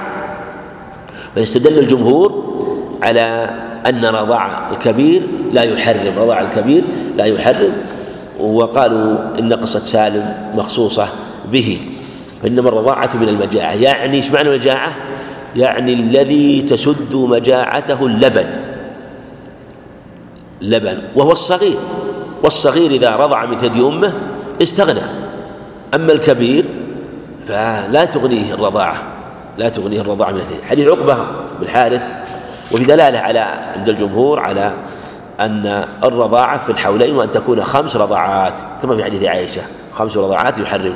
في العقبة بن الحارث أن تزوج أم يحيى بنت أبي إهاب وفيه أنه ذكرت أنها قد جاءت جاءت أمس سوداء وقالت إني قد أرضعتكما. يعني يعني أن أختك رضعت مني ورضعت. اجتمعتما في ثدي واحد. فكما يعني أنك وأخوك من النسب تحرمان يعني تكون أخو النسب كذلك إذا اجتمعتما في من ثدي واحد. ففي هذه الحالة فهما أخوان فهما أخوان اجتمعا على ثدي واحد اجتمعا على ثدي واحد. فقال قد أرضعتكما. قال فذكرت ذلك للنبي صلى الله عليه وسلم. قال فأعرض عني. في اللفظ الآخر أنها غير صادقة. قال فتنحيت. فذكرت ذلك. فقال كيف وقد جاءت؟ قال أن قد أرضعتكما. وفي لفظ فنهاه. فيه دلالة لمذهب أحمد رحمه الله أنه يقبل قول المرضعة الثقة قول المرأة الثقة أنها قد أرضعت. وهذا هو الصحيح.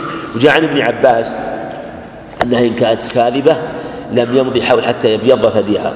حديث البراء رضي الله آه، البراء رضي الله عنهما في الحضانة في الحضانة وأن الحضانة تكون آه، آه، يعني هنا قال لما اختصم علي وجعفر وزيد فالنبي قال الخالف منزلة الأم.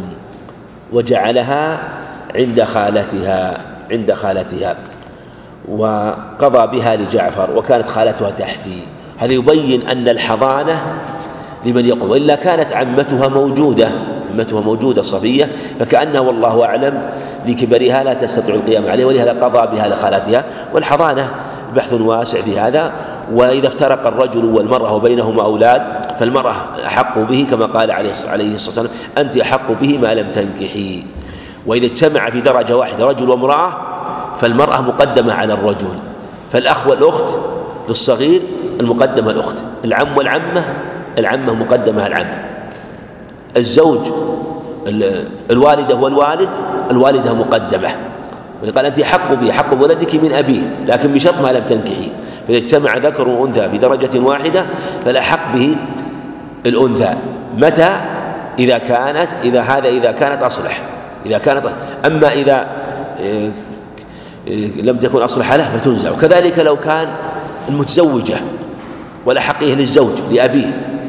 لكن يترتب عليه ضرر. ننزعه منه ونجعله عند أمه ولو كانت متزوجة.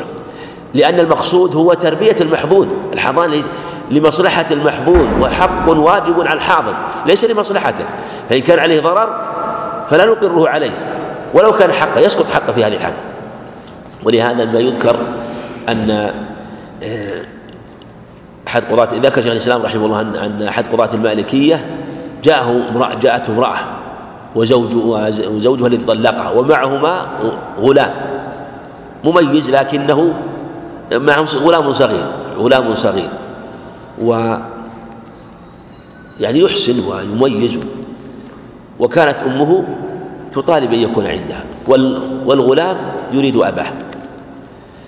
فلما جاء وكان غلام مميز. فإذا كان غلام مميز قال يخير كما خير النبي عليه الصلاة والسلام. يخيره. خيار تشهي. يختار يعني بما يشتهي. مو بلاجل مصلحة وهذا من عناية الشرع. يعني هل يشتهي أن يكون عند أمه؟ يكون عند يشتهي يكون عند أبيه؟ عند أبيه. ولو أنه مثلا جلس أسبوع ورغب عند أمه يرجع وأسبوع ثاني عند أبيه يرجع. خيار تشهي بحسب ما يهوى. لكن كل هذا مراعى ما يكون في مفسدة.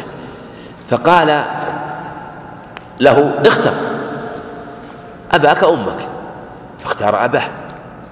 قالت له أمه سأله لماذا اختار أباه؟ قال لماذا اخترت أباك؟ قال أبي يتركني يلعب مع الصبيان يعطيني النفقة أذهب هنا وهنا أما أمي فتأمرني أذهب إلى الكتاب وأحفظ القرآن وأقرأ فإذا لم تذهب أذهب ضربتني. قال فنزعه من أبيه وجعله عند أمه.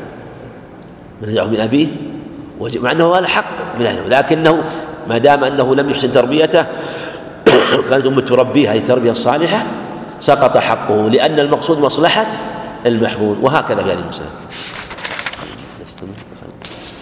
ناخذ شيء بسيط عشان قال المصنف رحمه الله تعالى كتاب القصص عن عبد الله بن مسعود رضي الله تعالى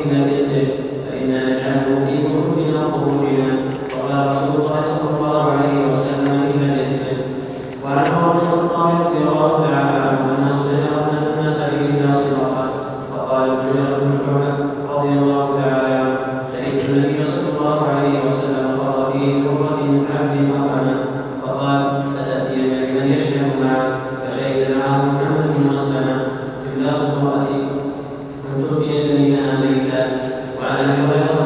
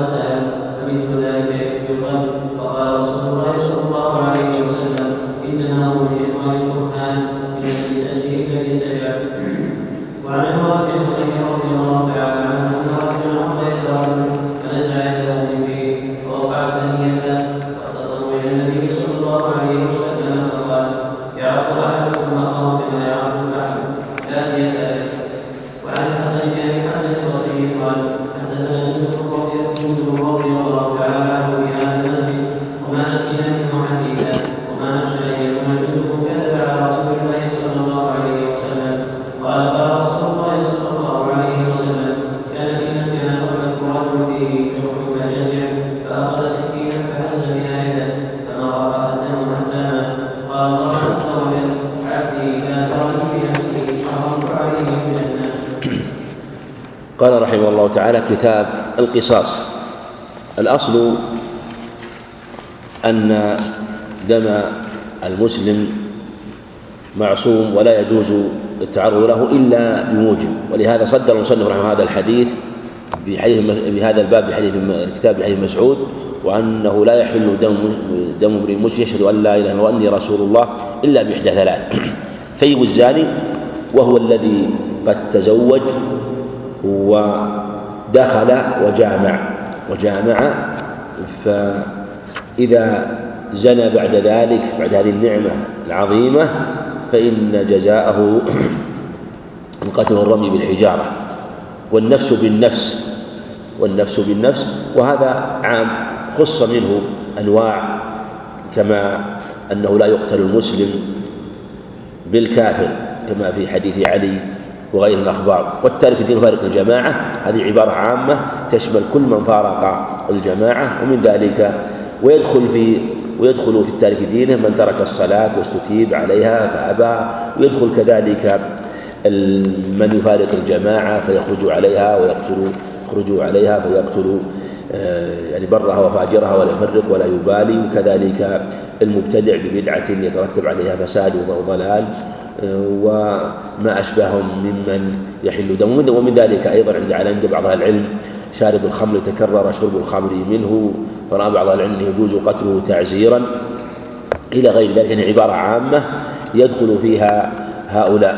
حديث مسعود رضي الله عنه يدل على أن أهمية أمر الدماء. أول ما يقضى بين الناس يوم القيامة في الدماء. أول ما يقضى أول في حديث وفي حديث النسائي أول ما يحاسب المرء يوم القيامة صلاته وأول ما يقضى بالناس في الدماء. المحاسبة أول ما تكون في الصلاة وأول ما يقضى بين الناس في الدماء. وعلي رضي الله عنه علي رضي الله عنه وصاحباه حمزة وعبيدة بن الحارث يقول نحن أول من يجثو يوم القيامة للمخاصمة بين الله سبحانه وتعالى مع الذين برزوهم عتبة وشيبة عتبة بن ربيعة بن ربيعة والوليد بن عتبة. وفيه أنها تعاد الخصومة يوم القيامة تعاد الخصومة وأن شيئا من الظلامات لا يفوت وأن العبد أن يحذر إذا عليه شيء من الظلامات آه، في دي في بدن أو مال أو عرض عليه يستدرك نفسه قبل أن يلقى ربه.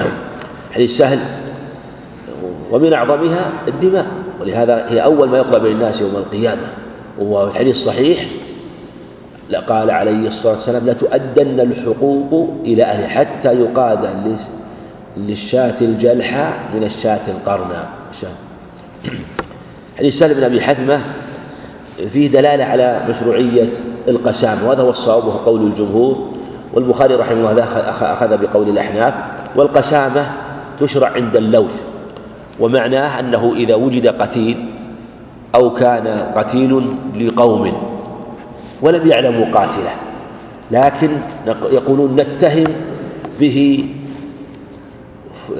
فلان من الناس. أو نتهم به أهل هذا الحي أو هذه القبيلة أو أهل هذا البلد. طيب قلنا تهمتكم هذه هل هل عندكم بينة عليها؟ قالوا بينه وبينهم عداوة وثارات. بينه وبين عداوة. هذا اللوث مخول للقسم. يقال لهم عينوا واحدا من هؤلاء القوم أو من هذه القبيلة واحد. ثم تقسمون خمسين يمينا أنه هو القاتل. ثم يقاد إليكم برمة الرمة هو الحبل الذي أصل الرمة فسمي به. وهذا هو الصواب بها. وذلك أنه أنها قرينة مع هذه الأيمان ولا يقدم عليها إلا في الغالب مع التحقق إلا مع التحقق والنبي قضى بها عليه الصلاة والسلام كما في صحيح مسلم وكانت في الجاهلية موجودة لكن في الجاهلية وقعت وكانت فيها الدية. ومنهم من قال إذا وقعت تجب الدية والصواب أنه يشاط بها دم من حلفوا عليه أنه هو القاتل لكن لا بد من القوا لا بد من آه، اللوث. لوث العداوة. يعني ولها قراء ولها دلائل. إما عداوة بين الحي بين الحيين ولا شك أن العداوة بين المسلمين واليهود عداوة ظاهرة. لهذا النبي عليه الصلاة والسلام قال تقسمون على رجل يعني عينوا رجل من اليهود فأقسموا عليه ويسام فقالوا يا أمر لم نشهدوا الحديث. نعم. والنبي عليه الصلاة والسلام كره أن يطل دمه فوداه من عنده عليه الصلاة والسلام. حديث أنس رضي الله عنه أن أنه رض رأس ذلك الرجل اليهودي بين حجرين وفي دلالة على أن القصاص مثل والاعتداء عليكم فاعتدوا عليه مثل ما اعتدى عليكم. وجزاء سيئة سيئة مثلها والجروح قصاص. وهذا اليهودي رض رأس جارية أهل مكر وغدر على أوضاح من ذهب على أوضاح من فضة الوضاح شيء من فضة يسيرة والعياذ بالله. فرض رأسها لأجل أن يأخذ الذهب. فأدركت وبها رمق رضي الله عنها فقيل ما بك من قتل فلان أفلان حتى الأسماء ثم قالوا فلان اليهودي فأومأت برأسها النعم في وبها رمق. فأخذ فلم يكتفى بمجرد إقرار فاعترف كما هنا أمر عليه أن يوضع رأسه بين حجرين فيرض كما فعل. ومن أهل العلم من قال إن إقرار المقتول إقرار المقتول لوث. يعني الذي به رمق أدرك قبل وفاته. فلو الإنسان قتل إنسان قبل وفاته سأل أحد من قتلك؟ قال فلان ذكر اسمه. فمنهم من قال إنه وهذا قول مالك رحمه الله وقالوا إن هذا لوث فيؤتى بفلان فإن شاء أولياء القتيل أن يقسم أن يقسم خمسين يقسمون. والخمسين يمين لا يشترط أن يجتمع خمس أن يجتمع خمسون رجل لا. فلو لم يوجد إلا مثلا خمسة يقسم كل واحد عشرة أو عشرة يقسم كل واحد خمسة. اثنان يقسم كل واحد خمسة وعشرون. وجد خمسون وهذا قد يندر يعني من أولياء القريبين فإنه آه، يعني فإنه آه، يقسم خمسين يمين. يوجد إذا وجد ثلاثة يصير في كسر. يقسمون سبعة كل واحد يقسم سبعة عشر يمينا. ويكون مجموع يعني نعم يقسمون نعم. يعني المقصود أن يقسمون خمسين يقسمون خمسين يمينا يقسمون خمسين يمينا. فإذا أقسموا خمسين سواء كانوا واحدا أو جماعة تحصل خمسين, خمسين يمينا. ثم يقال لهم هذا هو الصحيح. ولمسلم والنسائي عن أنس أن يهودي قتل جيل على أوضاح فأقاده رسول الله صلى الله عليه وسلم به. حديث أبو هريرة رضي الله عنه تقدم إشارة إليه في كتاب الحج وهو فتح مكة وأنها لم تحل إلى ساعة من هذه الساعة من طلوع الفجر إلى مغيب الشمس كما عند أحمد وفي كما تقدم يعرض شجرة يختلى خلاها ولا تحل ساقطتها وفي فقام رجل من اليمن يقال له أبو شاهن شاهن بالتنوين هكذا يقال شاهن بالتنوين. فقال اكتبوا لي فقال فقال رسول الله صلى الله عليه وسلم اكتبوا لي أبي شاهن ثم قام العباس فقال رسول إلا الإذخر. فإن نجعل بيوتنا في وقبورنا. فقال رسول الله رسول الله صلى الله عليه وسلم إلا الإذخر. إلا الإذخر. والمعنى أنه استثنى الإذخر عليه الصلاة والسلام وأخذ بعض العلم من هذا يعني الاستثناء بعد السكوت يعني جواز الاستثناء ولو فصل فاصل مثل هذا. فقال الرسول صلى الله عليه وسلم إلا الإذخر. وقيل لعله نزل عليه الوحي أو اجتهاد من النبي عليه الصلاة والسلام. الله أعلم. والوحي قد ينزل في لحظة. ولهذا نزل عليه عليه الصلاة والسلام وهو يتعرق العرق. نزل عليه الوحي وهو كان يأكل عظم العرق هو العظم اللي عليه لحم يسمى عرق. فإذا نزع لحمه أو يسمى عراق يسمى عراق. وهو يتعرق العرق لأن ربما كان وحي خفيف فنزل عليه عليه حالا فربما نزل عليه وحي حالا عليه الصلاة والسلام. حديث عمر رضي الله عنه إملاص المرأة أي ما تزلقه المرأة إملاصها من ملص إذا زلق. فقال مغير شعبة قضى فيه بغرة عبد أو أمة. وفيه لا تأتيني المشهد معك فشهد معه محمد ابن مسلمة وعمر رضي الله عنه أراد أن يتثبت الناس في هذا وإلا قد قبل أخبارا. آه، وهذا هو الواجب قبول خبر واحد هذا هو. لكن عمر رضي الله عنه اجتهد أحيانا لأجل أن يهيب الناس خاصة ربما يكون بعضهم ممن توي أسلم يتهاوى في الرواية. فلهذا قال بمن يشهد معه فشهد معه محمد بن مسلم وثبت في الصحيحين أيضا عن أبي هريرة هذا المعنى. وإذا أسقطت إذا قضى فيه بغرة عبد أو أمة وهذا إذا تخلق هذا إذا تخلق. والواجب كما تقدم في هذا سواء أسقطته هي أو أسقطها أسقطه غيرها. الغرة قدرها العلماء وجاء في بعض الروايات ما يدل على هذا بعشر دية أمة. أي خمس من الإبل. ديتها خمس من الإبل وعشرها خمس من الإبل. خمس من الإبل. والدية معروف أنها يعني تغيرت تقررت آخر ما صدر يعني فيها فتوى وصدر بها مرسوم أن دية الرجل يعني أربعمائة آه، نعم أربعمائة والمرأة ثلاثمائة الظاهر ثلاثمائة ألف. قصدي نعم الرجل آه، زيادة دية العبد أربعمائة ألف ودية الخطأ ثلاثمائة ألف للرجل والمرأة على النصف من ذلك.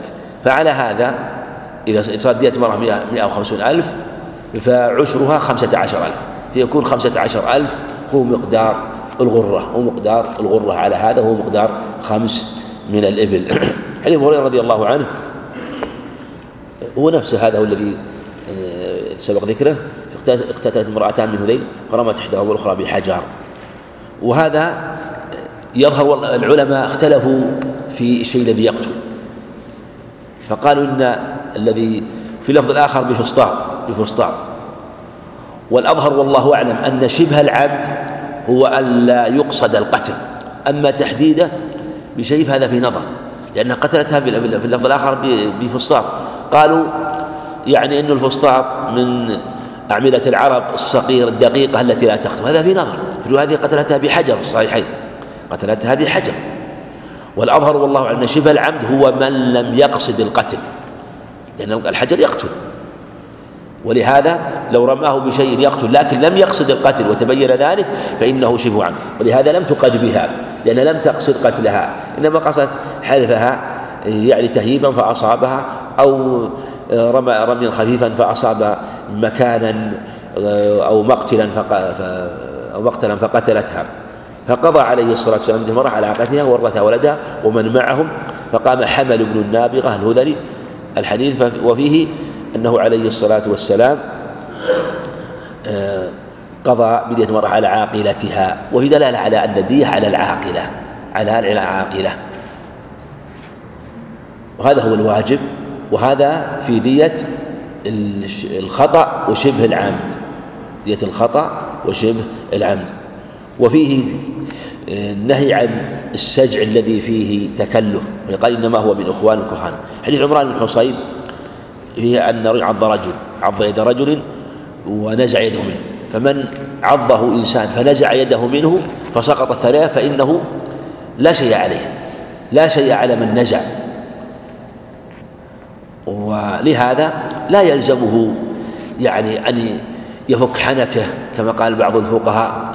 يعني يقول بعضهم إذا عض يده فإن كان عضا خفيفا فيعني فنزع يده فإنه يضمن. والأظهر والله أعلم أنه لا يضمن لأن إذا كان عض خفيف ونزع لا يأثر. وإن كان آه، سقط فإنه لارتقاء سنه وسنه لا يكون متراكبا وشادا على أساسه.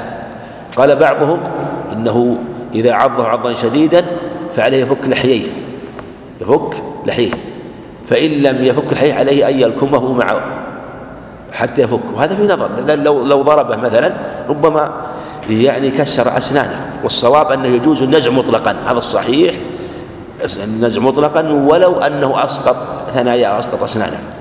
ولهذا نقول لا دية كما قال عليه السلام قد يعض أحدكم من أصلها عضض يعضض ولهذا عض يعض أحدكم أخاه كما يعض الفحل. لا دية لك.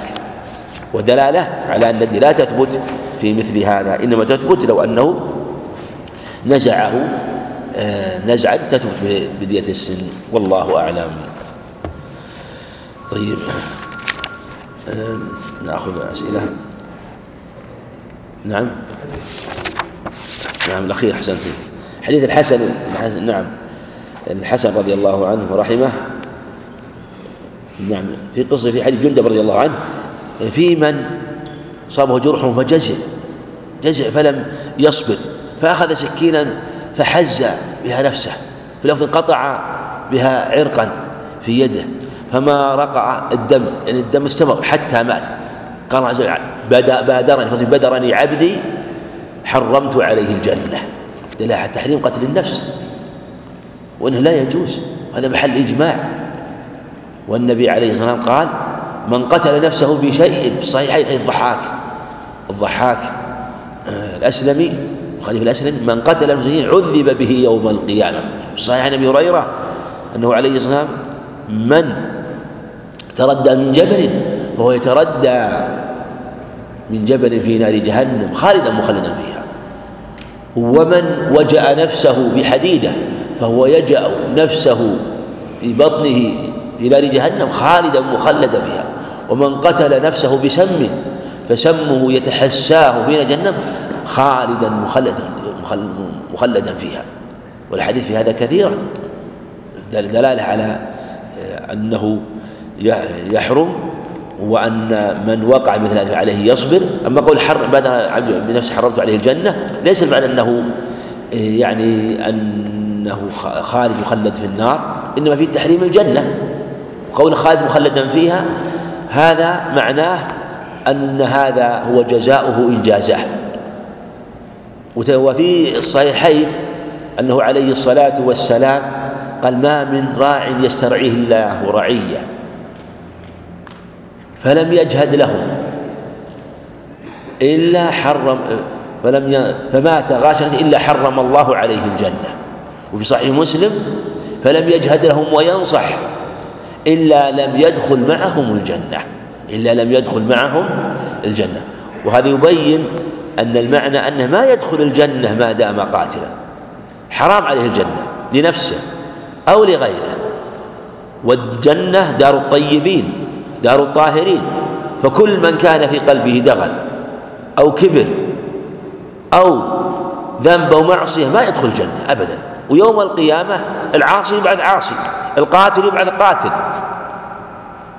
يبعث كل عبد على مات عليه ما دام إنه مات على معصية يبعث على مات عليه. فالجنة عليه حرام حتى يتوب. الآن ما في التوبة. ماذا؟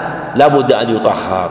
هذا معنى الاحاديث كل ما جاء الحديث ولا يدخل الجنة قتات لأن لأنه متى يكون قتات إذا مات هو قتات إنما لكن من من تاب ما فإنه غير قتات يعني كذلك من تاب من أي ذنب.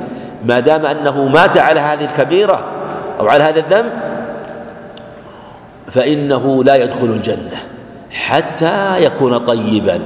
وهذا معنى الأخبار هذه. حرمت عليه الجنة لا يدخل الجنة. إذا متى يدخلها؟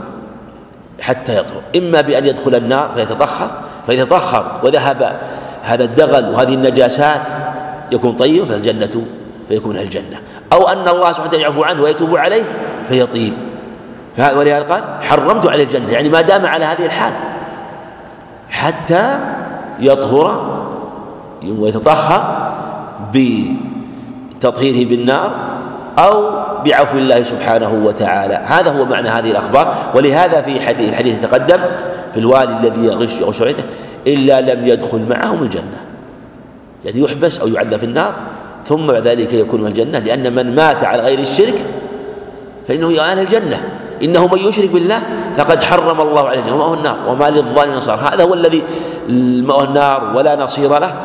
لأنه حبسه القرآن ومن حبسه القرآن فلا حيلة فيه. وما دون ذلك فهو في خطر المشيئة. أمره إلى الله سبحانه وتعالى.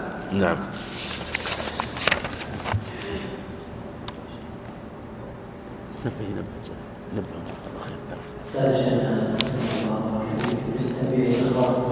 إلى أن إن شاء الله سنسلم شهادات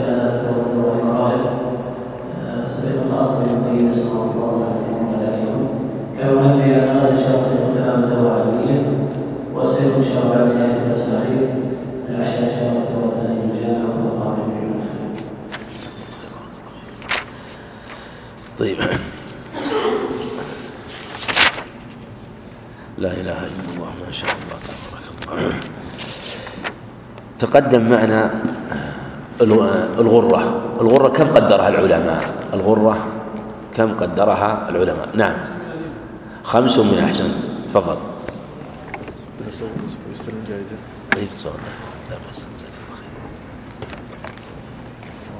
السلام بارك الله فيك بارك الله فيك أيوه أيوه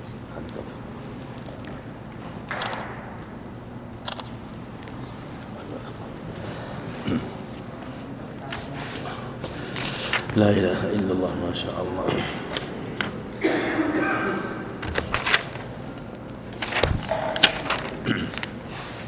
كم عدة إذا توفي المرأة إذا توفيت توفي زوجها نعم نعم هذه إذا كانت ماذا؟ إذا مات زوجها وكانت حائلا وكانت حائلا إذا كانت حامل إذا إذا كانت مرأة حامل إذا إذا ماذا؟ إذا كان فيها ولد ها؟ إيه؟ حتى الغاية حتى تضع نعم بارك الله فيك تفضل تفضل طيب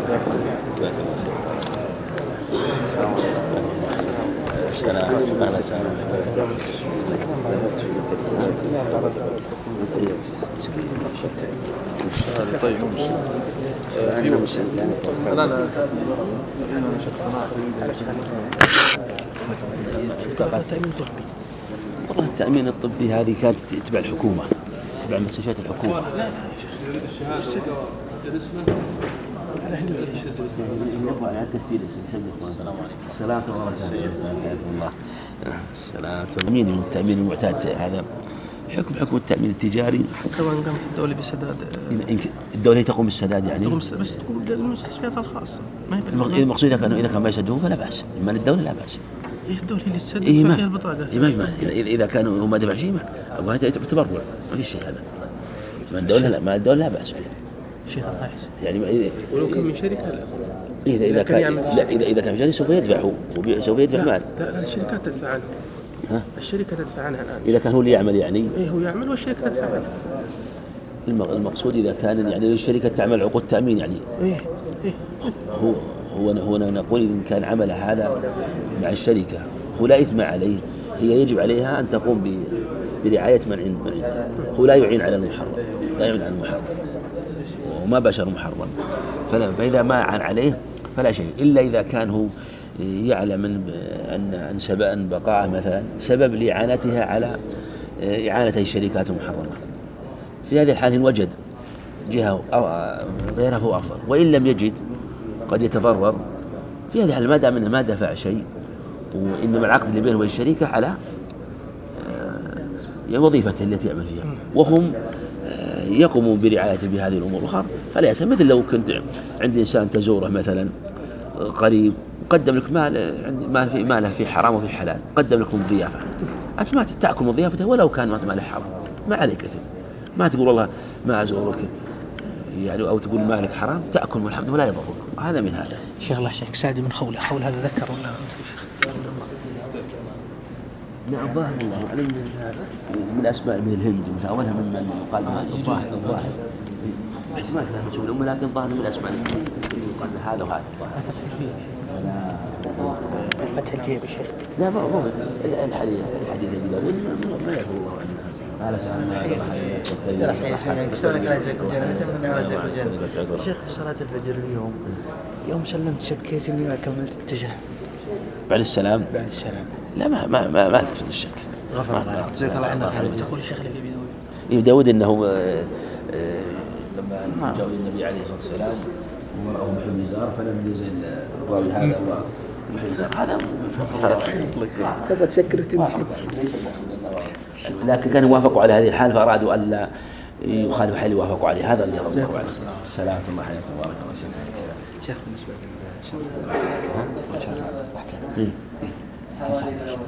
أفضل شرح لعدة الأحكام والله يعني مشروع لكن من من مشروع الجيدة المتينة آه، شرح على الدين عطار. عدة شرح على الدين. أربع مجلدات؟ أربع مجلدات هو طبعا في يمكن وفي ثلاثة في طبعة ثلاثة. ويمكن في طبعة ثانية أربعة. ومشروحات المتقنة الجيدة. السلام عليكم. السلام الأحكام آه، العدة شرح العمدة العدة ابن العطار. لابن عطار علاء الدين العطار. نعم. الجاهلية ثلاث السلام حياك الله فيك. حالك بارك الله الجاهلية ثلاث الجاهلية قبل الإسلام. جاهلية قبل الإسلام. الجاهلية الكبرى. أي وجاهلية الشخص. كان في جاهلية ثم أسلم وجاهلية حال. مثل يعني ثلاثة أش- جاهلية إيه نعم. جاهلية لكن ما ما ما تطلق الجاهلية آه، يعني عموما إلا على الجاهلية اللي في بلاد كفر مثلا يعني أما الجاهلية الخاصة إنسان مثلا كافر ثم أسلم. قال لما كنت في الجاهلية يعني جاهليته هو. أو المسلم حينما يقع في أمر كما قال النبي إذا إنك امرؤ فيك الجاهلية. شيخ بالنسبة لجمع الروايات أفضل شيء جمع الأصول أفضل شيء. أفضل شيء جمع الأصول. أراكم ما شاء الله تجمعون الروايات هل هذا جمع الأصول ولا عندكم ولا في شيء ثاني؟ يعني روايات يعني الصحيحين روايات الصحيحين هي الأصل في هذا. الصحيحين في هذا نعم. جمع الأصول يستفاد من جمع الأصول. طريقة جمع الأصول. نعم جمع الأصول نعم من هذا يستفاد منه. أو الرجوع لنفس ال- الصحيحين. وجمع الأصول من هذا الباب يعني. طيب شيخ الله يحفظك. من فاته صلاة الجنازة في المسجد وذهب للمقبرة بعد الدفن. وعدة قبور متعددة كلها على خط واحد وليس على نسق واحد. إيه. هل يصلى على قبر واحد بنية الجماعة ولا يصلى على ال- والله هذا يعني قال بعض العلماء أحد القول بعض العلم يعني يقول حتى لو صفت الجنائز في سطر جاهز. جاهز. ومنهم من يقول لا تصف إلى جهة القبلة. القبلة نعم. هذا قول. لكن إذا كانت قبور طري, طري ونوى ما يضر فيه شيء لا بأس لتوها يعني وصلى عليها. يصلى على واحد بنية الجماعة أنا على هذا القول أقول على هذا القول كما لو كانت موضوعة قبل دفنها. هذا يا شيخ لكن هذا يعني النبي معه أنه جو صلى على قبر يعني أنا لا أعرف أنه ذكر أنه صلى على أكثر من قبر ما أدري يعني في مرة واحدة ما- أذكر هذا إلا القبور اللي في حال الحياة اللي قبل الدفن قصدي. نعم. فشيخ يا شيخ لا يقال ان هذا ال- كل ميت له حق الآن مستقل لانهم ليسوا في نسق واحد على سطر واحد. لا هو المقصود الدعاء المقصود الدعاء مثل ما أنه إذا قبر تدعو له يصل إليه وأن تنوي بهذا. لكن الأظهر والله أعلم مثل ما جاء في يعني حديث أنس حينما صلى عند رأس الرجل وسط المرأة وأخذ العلماء أنه إذا كانت الجلسة عديدة أنهم يكون في سطر هذا هو الأسلم. يسلم. حفظكم الله حجر. إن شبه العمد معلق على ان على أنه لا يقصد القتل. وإن كان الاله غالبا تقتل. إيه هذا طيب هذا شيخ أحسن إليك. هذا شيء عمل قلبي. وعلة. تعليق العله على أمر قلبي مضطرب. كيف نعرف؟ طيب شيخ إذا عند قاضي وجهه القضية هذه كيف يحكم بان هو هو هو, هو الأصل إن كان شيء يقتل. شيء يقتل. أي نعم. يحكم بنا قتل عمد هذا هو الأصل. هذا هو الأصل. لكن يعني في هذه في قرائن لها أصل في هذا. يعني مثل إنسان لو إنسان مثلا رمى إنسان رمى شيء أمامه يحسب الشبح وصار إنسان. هذا. هذا خطأ هذا هو وليس فيه دل على نفس القصد له أثر. القصد له أثر. ولهذا مالك رحمه الله يعني أسقط آه، شبه العمد شبه العمد وجعلها من باب العمد رحمه الله. والمسألة فيها تحتاج يعني تحريرها يحتاج يعني إلى مزيد عناية أيضا.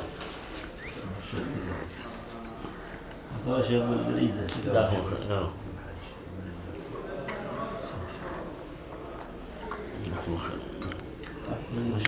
أقول تفريغ الشرح وصدوره شيخ. مو- أقل مختصر يعني يعني يعني مو بشرح كثير من السلام عليكم. السلامة وبركاته. يعني. يعني يفيد والله يعني يعني. والله فكرة يعني فكرة مناسبة استريح يا شيخ استريح يمكن عاد إنها يعني يجمع مثلا مع شرح قديم يعني شافل ممكن يعني يكمل بعضها مع بعض. ولا وش مثلا؟ بعض النواقص اللي تجاوزناها مثلا. أي نعم. طيب والله. بس كذا تفريغه فيه أي نعم. شاف يعني إذا كان في نقص مثلا. يزعل طيب. معناه ما مو بواجد. يعني تقريبا في ستة أيام يصفين لك كم في اليوم اليوم ثلاث ساعات ولا أقل. أي لا لا ثلاث ساعات. ثلاث ساعات. ثلاث ساعات آه، مرة ها؟ اي ثلاث ساعات. مرة. يعني 18 ساعة مع القراية اي مع القراية السلام عليكم السلام.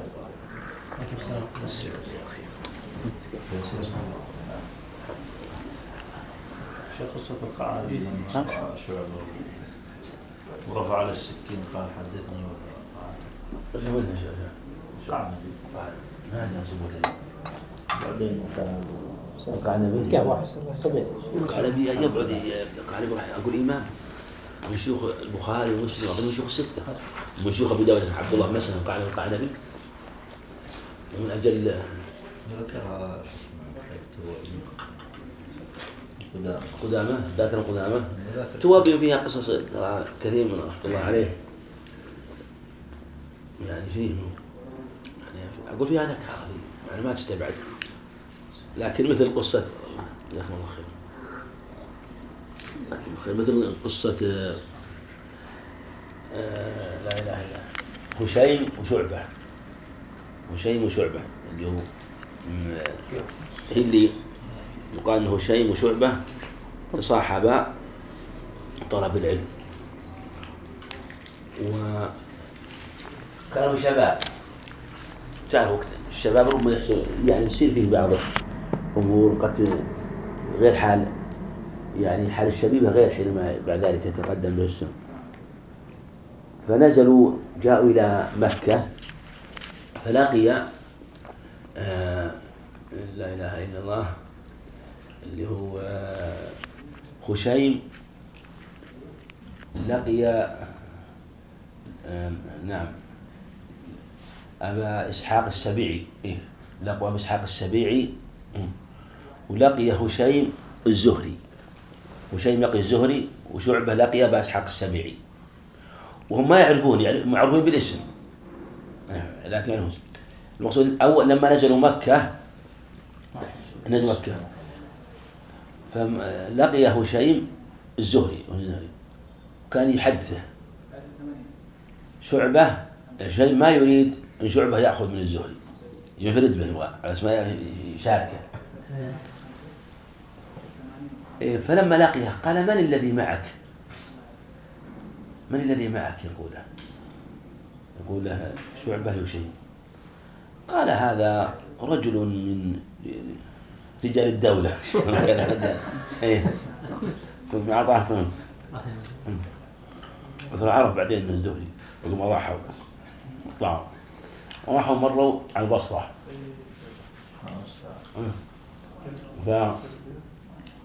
فلما أنهم لقي شعبة أبا إسحاق السبيعي. وهشيم لقي ناس آخرين. مر به هشيم وأبا إسحاق السبيعي ما يعرف إسحاق إمام. قال من ذاك قال شاعر بني السبيع. كلنا راعي الثاني لحبل الثاني. فلما سار في الطريق جعله شيء محدث عن الزهري. فقال من أين لقيت الزهري؟ قال إن ذكرت لك الزهري. لقيتني كذا. فأخذ شعبة الأوراق فخرقها. ورمى بها في الهواء. حتى صارت أوراق حديث رحمه. الله إيه. فعاد خشيم عن الزهري عند العلماء ضعيف الآن. وسببه أنه ما ضبط سماعه. سمع حديثه ولا أتقنه ضاعت أوراقه. تلفت. فثبتت قصة شعبه فهو بسبب شعبة رحمه الله. ولهذا قالوا هو شيء ثق إمام شيء بشير الواسطي رحمه الله إمام كبير ثقة لكن عن الزهري ضعيف على طريقته. فعل ذهب نعلق عليها يعني يقول لعل هذا في أيام الشبيبه ثم تاب بعد ذلك وتنصل يعني رحمه الله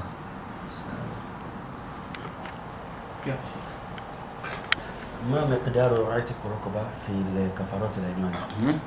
يعني مقداره بالمبلغ. ما لها مقدار. هذه حسب إن وجدت حسب ما توجد. المقصود عتق رقبة. لكن يترك رقبة لو كان إن كان متيسر. إن كان متيسر. إن تيسر. هو الغالب أنه يعني يعني يعني يذكرون عن هذا الإيقاف الغالب لا تكون باتفاق أحيانا. ربما يعني يتفق. نفس المدة عن رقيق مع شخص آخر كأنك مملوك عندي. وإذا راح الرجل هذا تقاسم منه وانتهى. هذا الحمد لله ينتقل إلى غيرها الله يجزاكم السلامة